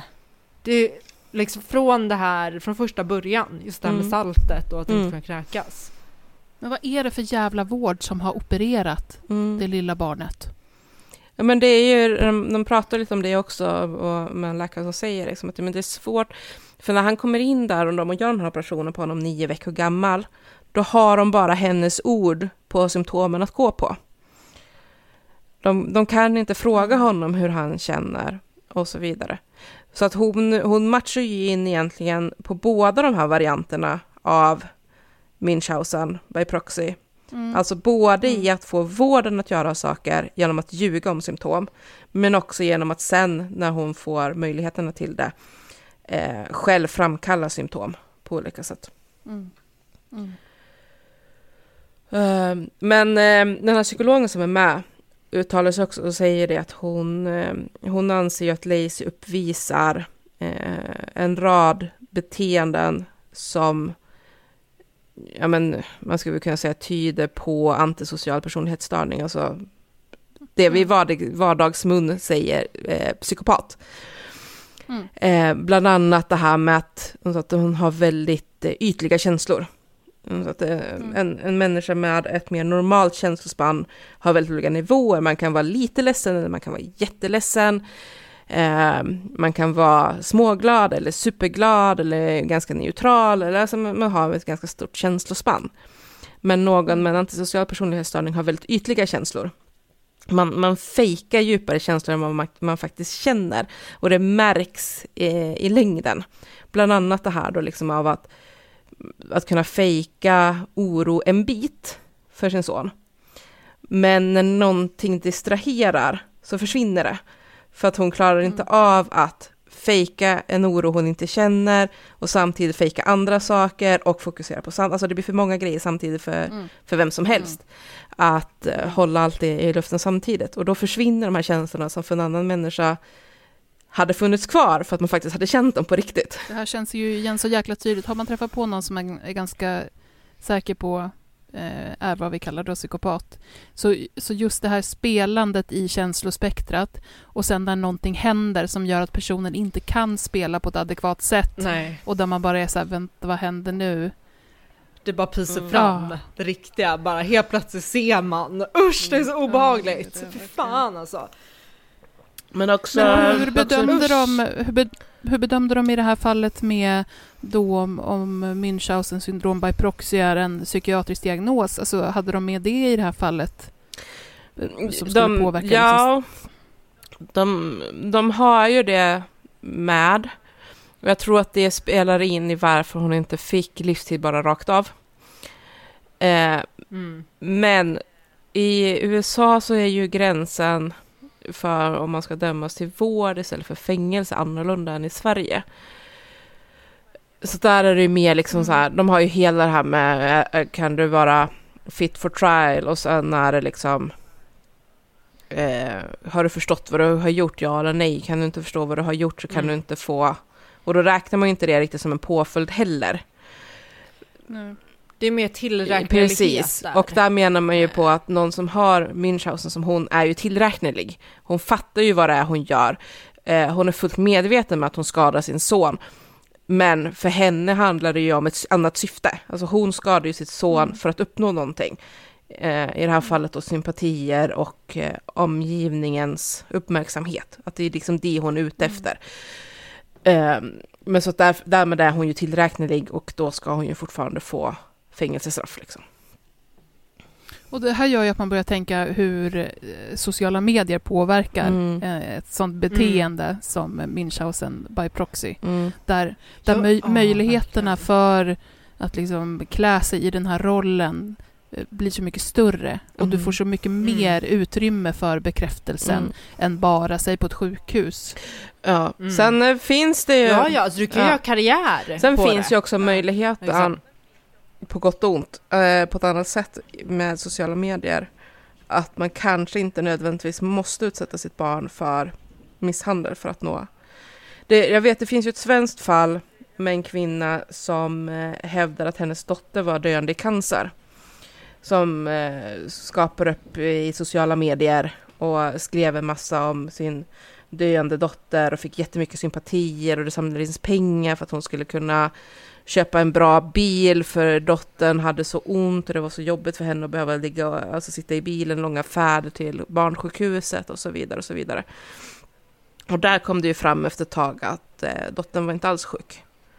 Och de där pengarna hade ju gått till typ en Tesla Mm. och sådana här grejer och det vart ju världens ramaskri. Och det är ju också Münchhausen by proxy. Men av allt att döma Mm. så har dottern aldrig varit på några sjukhusbesök överhuvudtaget. Hon har bara fejkat alltihopa. Hur tänker ni på det här? För det märkte jag att jag tyckte det var lite svårt när jag läste på om det. Med det här med att en variant av Münchhausen by proxy är att man kan då eh, felaktigt eh, säga att barnet har blivit utsatt för sexuella övergrepp. För det är ju snårigt alltså. Ja, Mm. ja, verkligen. Och jag tänker, åh, jag har så många tankar om det här, men dels så tänker jag att man vill ju inte heller hamna i situationer där föräldrar känner att de inte vågar larma. Mm. För att det är så här, nej men då kommer, jag tänker, jag tänker alla mina vårdnadstvister Mm. som jag har haft. Att man vill inte hamna i situationer där föräldrar inte vågar larma för att de då är rädda att utmålas som att det är de som är Mm. förövaren. Eh, men det finns ju faktiskt sådana fall också. Jag, jag, jag vet att jag blev en gång kontaktad av en kvinna som sa att hennes eh, son blev utsatt för eh, sexuella liksom, övergrepp och att hon hade förlorat vårdnaden till pappan då som skulle ha Mm. utsatt sonen. Och jag var så här, okej shit, vi ska ta tag i det här och bad om, att få alla handlingar i ärendet. Mm. Eh, och fick alla handlingar, läste igenom dem och då blev det helt uppenbart för mig att det var kvinnan då som hade kontaktat mig som var Mm. förövaren. Och att hon hade utsatt det här barnet återkommande för liksom interrogation, Förhör. svenska. Förhör. Och liksom övat in med barnet, och vad hur du ska säga, och också tagit det här barnet på väldigt många sjukhusbesök där man då skulle dokumentera de här Mm. skadorna. Också tagit bilder på barnet eh, själv, liksom väldigt kränkande bilder i positioner för att dokumentera skador. Och det fanns ju inga skador, man kunde aldrig liksom se några skador. Alltså jag tycker på ehm, eh, vissa vittnesmål också som jag har sett ifrån Dumpen. Där på Mm. deras blogg, för, där vet jag inte om de har kvar det för jag Mm. vill, pallar inte ge dem klicken när man går in och titta. Men de hade tidigare i alla fall typ eh, vittnesmålsblogg. Där folk som skulle ha blivit utsatta Mm. för sexuella övergrepp kunde skriva in då med vittnesmål om hur det påverkat deras liv och lite sådana här grejer. Och där minns jag att jag reagerade ganska starkt på ett inlägg som var skrivet av en mamma som väldigt Mm. detaljerat beskrev vad hennes dotter skulle ha varit med om. Och hur det hade påverkat dotterns liv, men också hennes liv då som, som förälder till ett utsatt barn. Ehm, och, ja, men där jag bara fick så här obehagliga känslor just utav hur det körde över dotterns integritet. Alltså de, det, det var för detaljerat, det var för snaskigt. Och eh, äh, det, det gav mig dåliga vibbar just utifrån det här att eh, själv vilja få, om än anonymt, eh, uppmärksamhet och kärlek från folk på nätet. Jo, där blir det ju också, de, äh, även om man inte har vården på det sättet så har man ju alltså stora delar Mm. av den feministiska rörelsen, och jag tänker i kölvattnet av metoo och så, så finns det den här gemenskaps och bekräftelsebiten. Mm. Ehm, Så att jag kan tänka mig att det är, eftersom att det är en, en variant av Mm. eh, Münchhausen by proxy, så, så är det inte Mm. svårt att se Mm. att det är samma drivkrafter i det. Mm. Alltså jag tänkte bara också innan jag glömmer bort det. ehm, I då Läkartidningen så tar man upp flera olika fall och har liksom fallbeskrivningar då som man hänvisar till eh, löpande och när man pratar om forskningen och sådär. Mm. Och jag tänkte bara läsa upp, de är jättekorta, läsa upp en som handlar om eh, när, när, det, när det inte sker i förhållande till vården. Så att man också får en Mm. bild av att det kan se ut på andra Mm. sätt. Och då står det så här. Ja. Rektor för en mellanstadieskola konsulterar för ett ovanligt och svårlöst mobbningsärende. Under ett år har elevvård och klasslärare försökt avslöja och avbryta mobbningen av en flicka. Flickans mor har polisanmält två skolkamrater för mobbning, eh, liksom hon anmält skolan till bland annat kommunledning och Skolverket. Ett avgörande problem för skolan är att mobbningen aldrig kunnat upptäckas och att alla elever, inklusive de som ej var utpekade som mobbare, hävdar att någon mobbing inte förekommer. Modern hävdar att mobbningen ägt rum även under stunder då flickan varit under observation och inte visat några tecken på att vara illa utsatt. En rad möten har ägt rum i skolan, inte minst med föräldrarna till övriga barn. Tendensen var nu att flickan började bli isolerad då det spridit sig en känsla bland barnen att det ledde till tråkigheter om man lekte med den utpekade flickan. Vid konsultation på barn och ungdomspsykiatrisk eh, klinik visade sig att denna flicka varit utsatt för eh, Münchhausen syndrom by proxy med förfalskade uppgifter om sexuella övergrepp, astma och födoämnesöverkänslighet. När modern konfronteras med misstanken att det är hon själv som skapar berättelserna om mobbning flyttar hon omedelbart flickan till en annan skola. Mm. Mm. Så det är liksom som ett helt eh, annat scenario. Eller ja, vi hade ju det här, vi Ja. hade ju astman och Mm.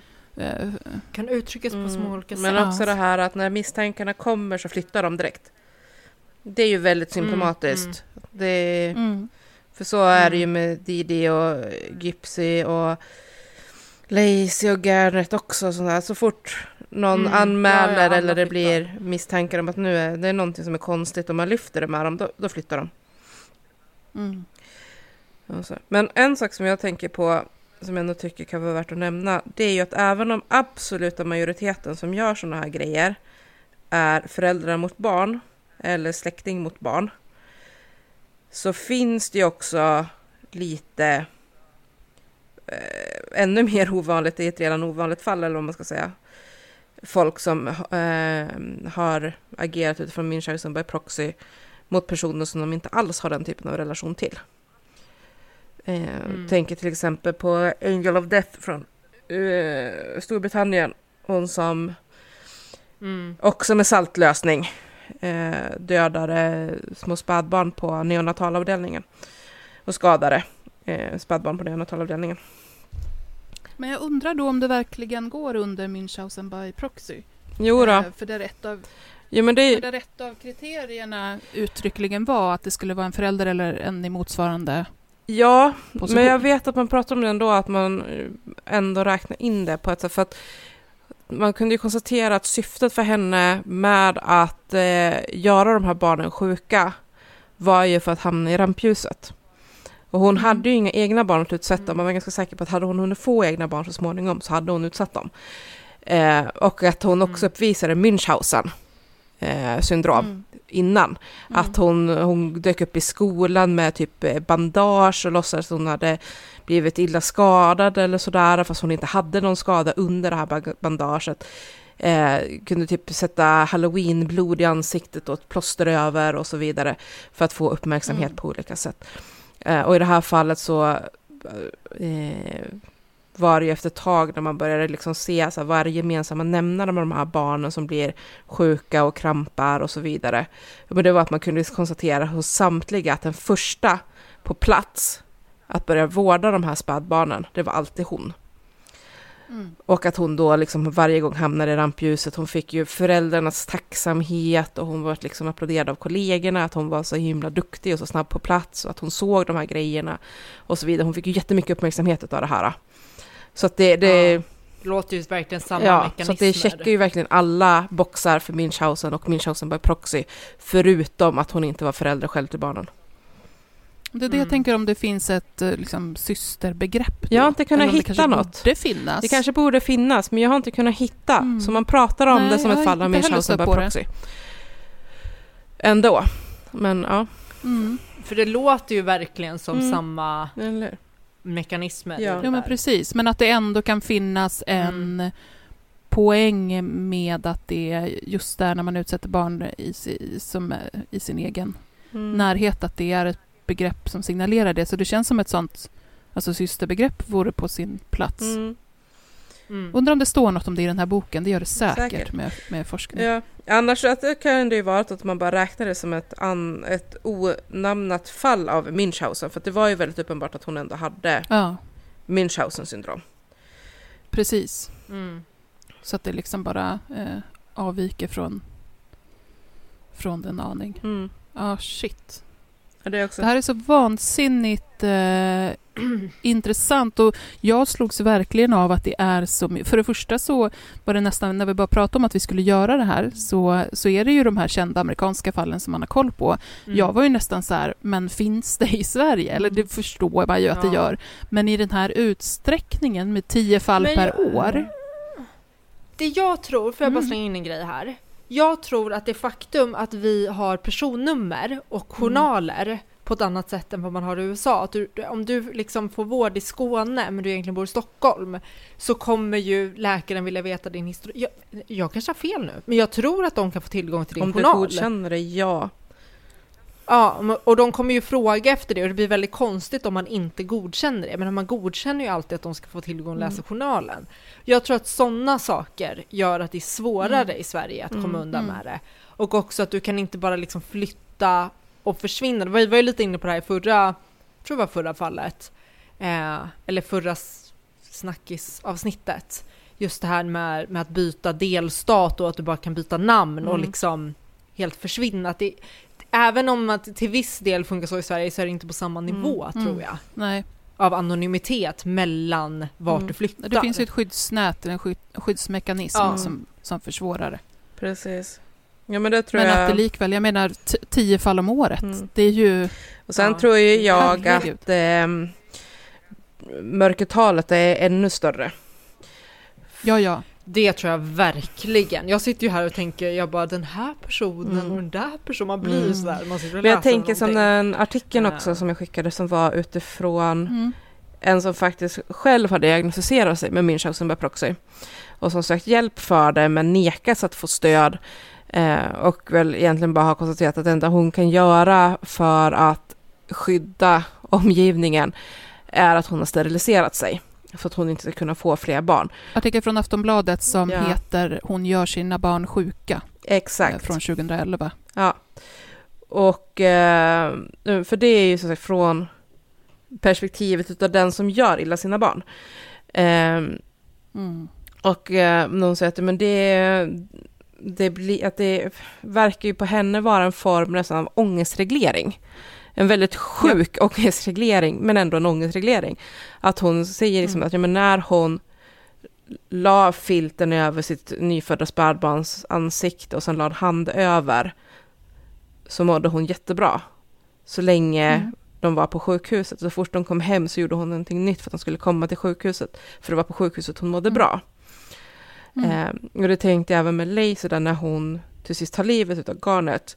När, när de kommer in liksom och säger att ni ska få åka hem.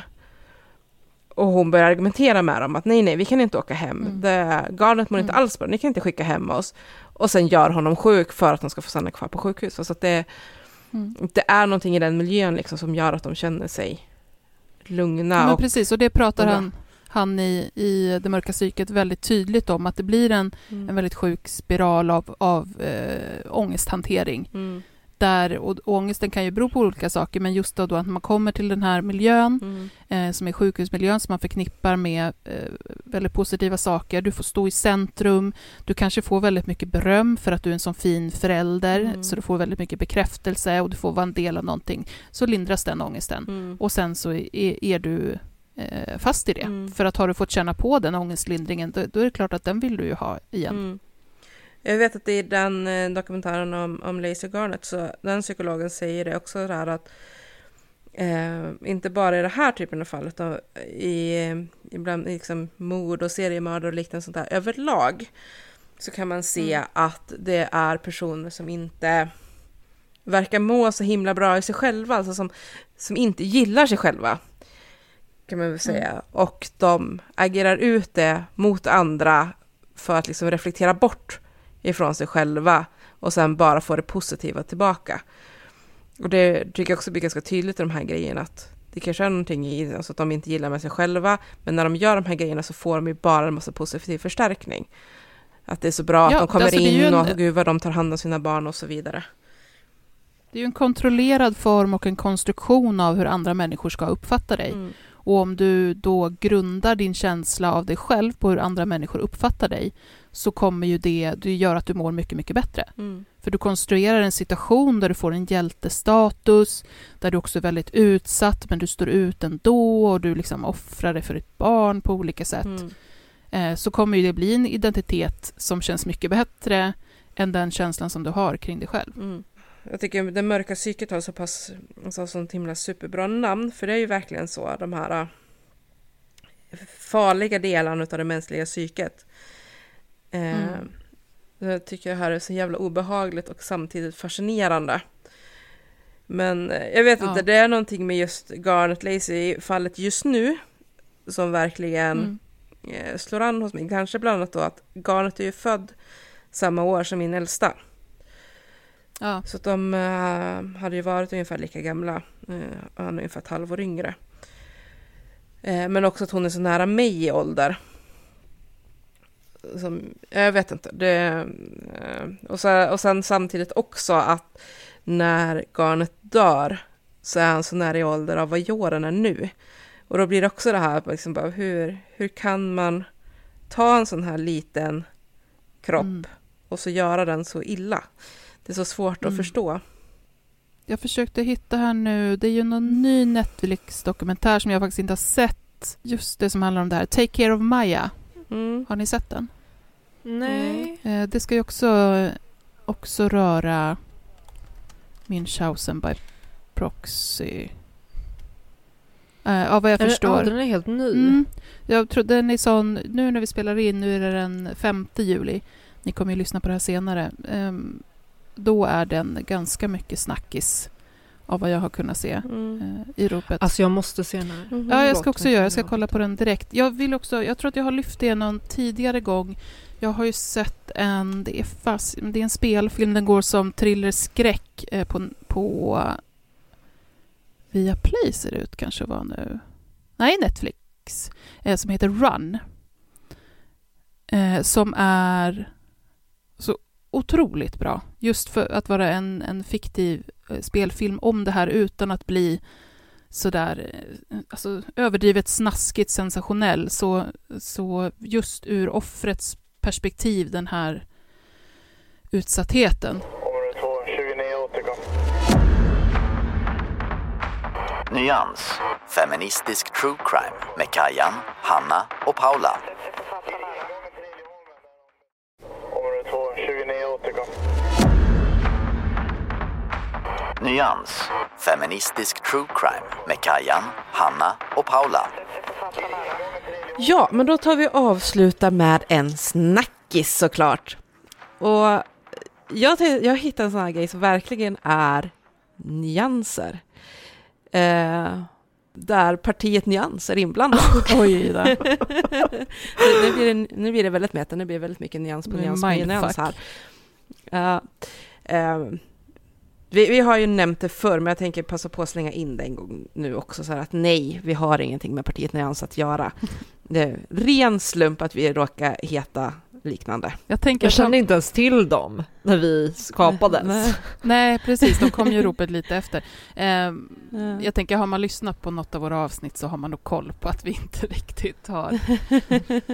Delar inte riktigt värderingar. Nej, Alltså, det, är, så. det Nej. är inte den podden heller. Så att det, Ja, men det, det dyker ändå upp emellanåt frågan om vi har någonting med partiet att göra och svaret Mm. är nej. Men det jag tänkte att vi ska eh, lyfta lite grann, det är ju att eh, partiet Nyans partiledare, som jag inte kommer ihåg namnet på och jag orkar inte googla just nu, Mikael, Yx, eller y, Mikael Yx, Yx, ja, Yüksel. Mikael Yx. Ja, ja. Eh, nåväl, han har uttalat sig i eh, turkisk regimtrogen media om att Turkiet ska stå på sig med att eh, inte bevilja Sverige NATO-medlemskap så länge det fortfarande är lagligt att elda koraner. Och eh, när DN ställde frågor om det här och eh, kanske lite lämpligheten att sitta i någon, något annat lands eh, statsmedia och Mm. pusha dem att eh, göra saker som inte ligger i Sveriges intresse så hade han då uttryckt tillbaka på det att Sverige behöver lära sig att böja ner sig, att världen är större än vårt land. Alltså.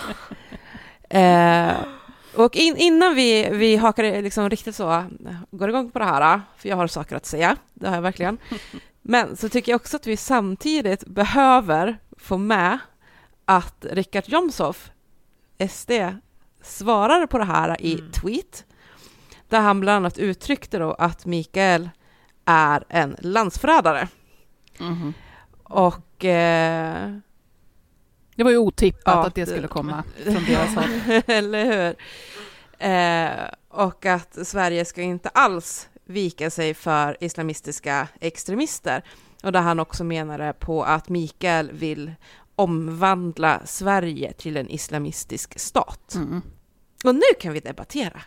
För jag tycker båda de här gubbarna är riktigt jävla ute och cyklar. Men det var det jag satt och tänkte på. Jag bara, kan vi inte bara liksom sparka ut båda, båda två till rymden och sen gå vidare? Eh, nej men Paula, jag är, jag är nyfiken på dina tankar. Kan inte du börja för en gångs skull, Paula? Så får vi react, Jo, på, din, react på din rant. Nej men om, om vi börjar med Mikaels och det här att Sverige måste vika ner sig, bla bla bla, så tycker jag att han har delvis rätt, delvis fel. Han har rätt i det faktum att världen är större än Sverige Mm. och att Sverige och svenskarna relativt ofta kan ha ett litet problem ibland med att inte se Sverige som facit. Att alla borde leva som oss, alla borde göra som oss, alla borde tycka som oss.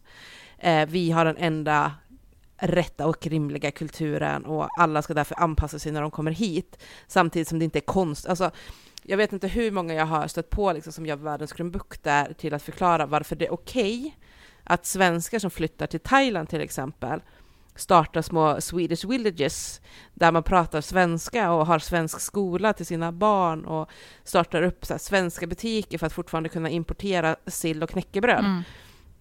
Men det är inte okej när invandrare gör liknande i Sverige. Mm. Ehm, och sådär. Och att man liksom verkligen har den här bilden av att men den svenska kulturen är rakt igenom en bra kultur. Det finns inga problem med hur vi lever i Sverige. Vi har ingenting att lära av andra, men andra har massor att lära av oss. Mm. Och där kan jag liksom känna att jag kan ge Mikael en poäng i att Sverige behöver liksom börja inse någonstans att det, det finns andra sätt att tänka, det finns andra sätt att leva på och allting är inte nödvändigtvis sämre för att det är annorlunda. Mm. Däremot så tycker jag att han är helt jävla kokobengo Mm. som kommer och menar på att, liksom, att Sverige ska vika ner sig då för andra länders åsikter. Mm. För nej, det tycker inte jag. Lika lite som jag tycker att andra länder ska vika ner sig för vad Sverige säger bara för att det är Sverige som säger det, Mm. så ska andra länder inte heller kunna få Sverige att vika ner sig. Alltså vi ska givetvis kunna ändra uppfattning eller lyssna på andra länder och tycker vi att det finns en poäng i vad andra länders ledare säger så ska vi lyssna på det. Men vi ska inte ändra på oss eller ändra våra lagar, anpassa våra lagar bara för att annars lands ledare säger att om inte ni gör det så kommer vi hålla gisslan saker som ni vill ha. Mm. Mm. Eh, och jag kan se ändå liksom ett visst problem. Och det här är någonting som är väldigt svår balansgång. Men jag vet ju liksom att det finns ju mycket kritik mot Sida till exempel. Man har ju skärt ner deras budget jättemycket nu med motiveringen att Sida ger eh, biståndspengar till antidemokratiska länder eller organisationer som kanske inte står för den jämställdhet som vi tycker i Sverige att man ska stå för och sådär. Ehm, men där man har sett att det finns ett problem med att till exempel Kina har fått väldigt, väldigt mycket kontroll i många länder idag för att de ger bistånd utan motkrav. Mm. Medan Sverige då till exempel säger att ja, ni kan få pengar, men då ska ni till exempel börja gå med på att homosexuella har rättigheter fast ni i lagen idag tycker att de ska fängslas. Mm. Ehm, och, och det är som sagt en svår balansgång. Och det blir knepigt att å ena sidan från Sveriges sida då komma och säga att jo men vi har rätt Mm. att kräva att andra länder ska vika ner sig för att få saker de vill ha. Men andra länder får inte säga så till oss. Mm. Ehm, samtidigt som jag tycker att vi ska inte vika ner oss när vi tycker att andra länder har fel. Nej, men precis. Och det är väl det som är liksom det knepiga. Det är svårt när ett argument går att använda eh, emot det man förespråkar också. Men, och då får man kanske, för jag håller ju med dig också, och då får man kanske hitta andra sätt att argumentera eh, för det, så att liksom, eh, Mm. knäckfrågan inte ligger i eh, att, att vi i sig är emot att, att det kommer motkrav eh, på saker och ting. Mm. Att det inte är det Mm. som är problemet, utan vad de eh, består i. Också att man ska kunna Exakt. hänvisa till, till varför och rimligheten också, så att det inte blir Mm. eh, helt subjektivt. Exakt. Och jag kan också förstå faktiskt var liksom SD kommer ifrån när de då säger att han här är landsförrädare. Mm. Eh, och att man också börjar liksom utifrån det här lyfta det de ser då som ett problem med dubbla medborgarskap. Att han är turkisk medborgare och svensk medborgare. Men var i ligger hans lojaliteter som politiker Mm, just nu mm. när han faktiskt aktivt försöker påverka svensk lagstiftning ehm, och svensk politik, Mm. opinionsbilda. Eh, när han erbjuder sig att åka som typ diplomat till Turkiet för att få in oss i NATO samtidigt som han liksom ut, uttryckligen också säger jo, men när jag nu har en möjlighet att belysa och få stöd att bekämpa islamofobin i Sverige så måste jag ju ta den möjligheten. Och det blir så här, jo men vart, var, varför ska just du då åka till Turkiet och förhandla om saker om det innebär att du försöker förhandla fram lagar som majoriteten av Sveriges befolkning kanske inte vill ha? Det blir också skevt. Eh, Men Och också det bara är hur liksom- uppmuntrar Turkiet att så här, fortsätt, vik, inte, liksom, vik inte ner er i det här utan gå inte, alltså Mm. det, jag skulle aldrig någonsin lägga min röst på någon som jag kände att den här personen är inte 100% lojal gentemot Sverige. Jag tycker det är Mm. befängt. Ja, alltså det, man kan ju ha vilka, vilka, vilka parti som helst kan ju alldeles uppenbarligen ha vilka åsikter som helst om hur, eh, hur politiken ska bedrivas och vilka, vilka vägar som Sverige ska gå. Men Mm. det blir ju problemet när man väljer bort att, eh, att driva de frågorna på den egna arenan och istället Ja. går eh, till andra länder då till exempel, eller eh, internationella organ och driver frågan gentemot hur de ska agera gentemot Sverige för att man ska få sin vilja igenom. Det är, där, där går man ju över en gräns för, för hur, eh, hur politik ska bedrivas. Ja men verkligen. Och sen är det kanske inte... 100%. Ja, det är klart att Nyans kan sitta och ehm, sitta på, på sina höga hästar och prata om att de ska liksom synliggöra islamofobin. Men det var, det var, visst var det den här valrörelsen som de fick jävligt mycket skit för att de gick ut och spred en, en massa tokiga konspirationsteorier om vad man gör med muslimer i det här landet. Och obs, eh, islamofobi är en, en riktig grej som är otroligt påtaglig på jättemånga sätt. Men sakerna som de spred ut med att det var väl att muslimer liksom... ehm, det var att man eh, socialen omhändertar Ja men det, men det, sen var det muslimernas också... barn för att omskola dem Ja, och att man fängslar dem utan skäl för att omskola dem. Alltså att, att det pågår någon form av etnisk rensning. Typ. Ja men precis, och att man bara tog eh, muslimer och, och låste in dem i ett år utan rättegång eh, i fängelse och så vidare och så vidare. Så att man kanske ska ta det lite, lite chill med att ta på sig den hjältekappan. Eh, kappan. Jag tycker att det är väldigt provocerande det, det han gjorde och sa till turkisk media. Jag- Jag, blir jätteprovocerad av sånt där. Mm. För det är så här, du, och du är bara för att vara, Mm. vara jättetydlig, det är ju inte liksom för att Mikael är muslim Nej, nej. eller det handlar om just Turkiet och, och sådär. Jag tänker att det är ju exakt samma problem när Katarina, Katarina Janouch satt i tjeckisk tv och pratade om att på grund av alla muslimer som har fått välla in i Sverige så har hon behövt börja beväpna sig och det är jättefarligt i Sverige och folk borde sluta resa hit och man borde sluta eh, förhandla med oss eller ha politiskt samarbete med Sverige och så vidare och så vidare. Att det liksom Mm. att man bara ska se Sverige som en varning.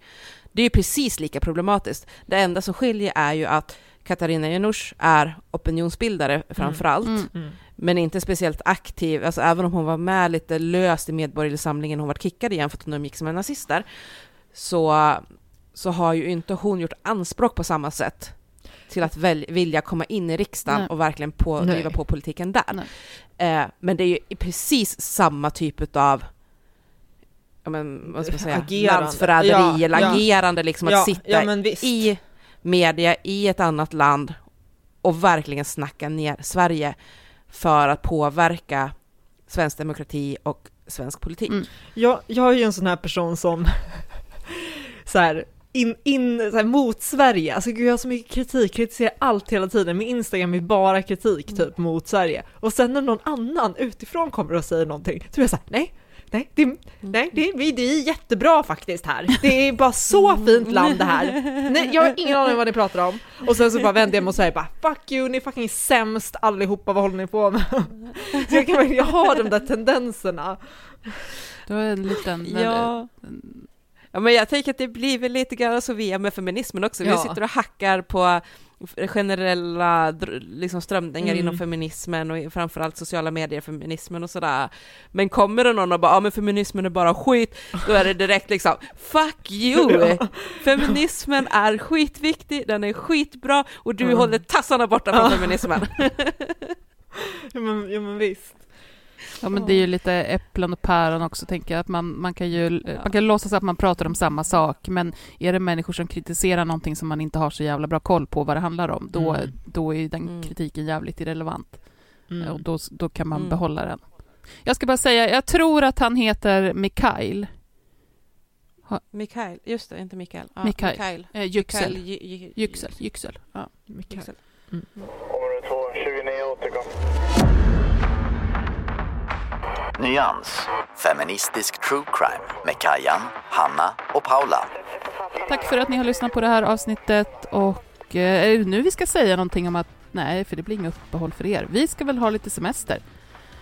Men Det det, kommer ni inte lida av för att vi har bunkrat grejer och sånt där. Men eh, vi kanske Mm. låter lite eh, solstinnare nästa gång vi lyssnar nästa vecka. Vi får Ja. se. Precis. Men tack för att ni har lyssnat. Hejdå! Vi hörs. Puss och kram, hej.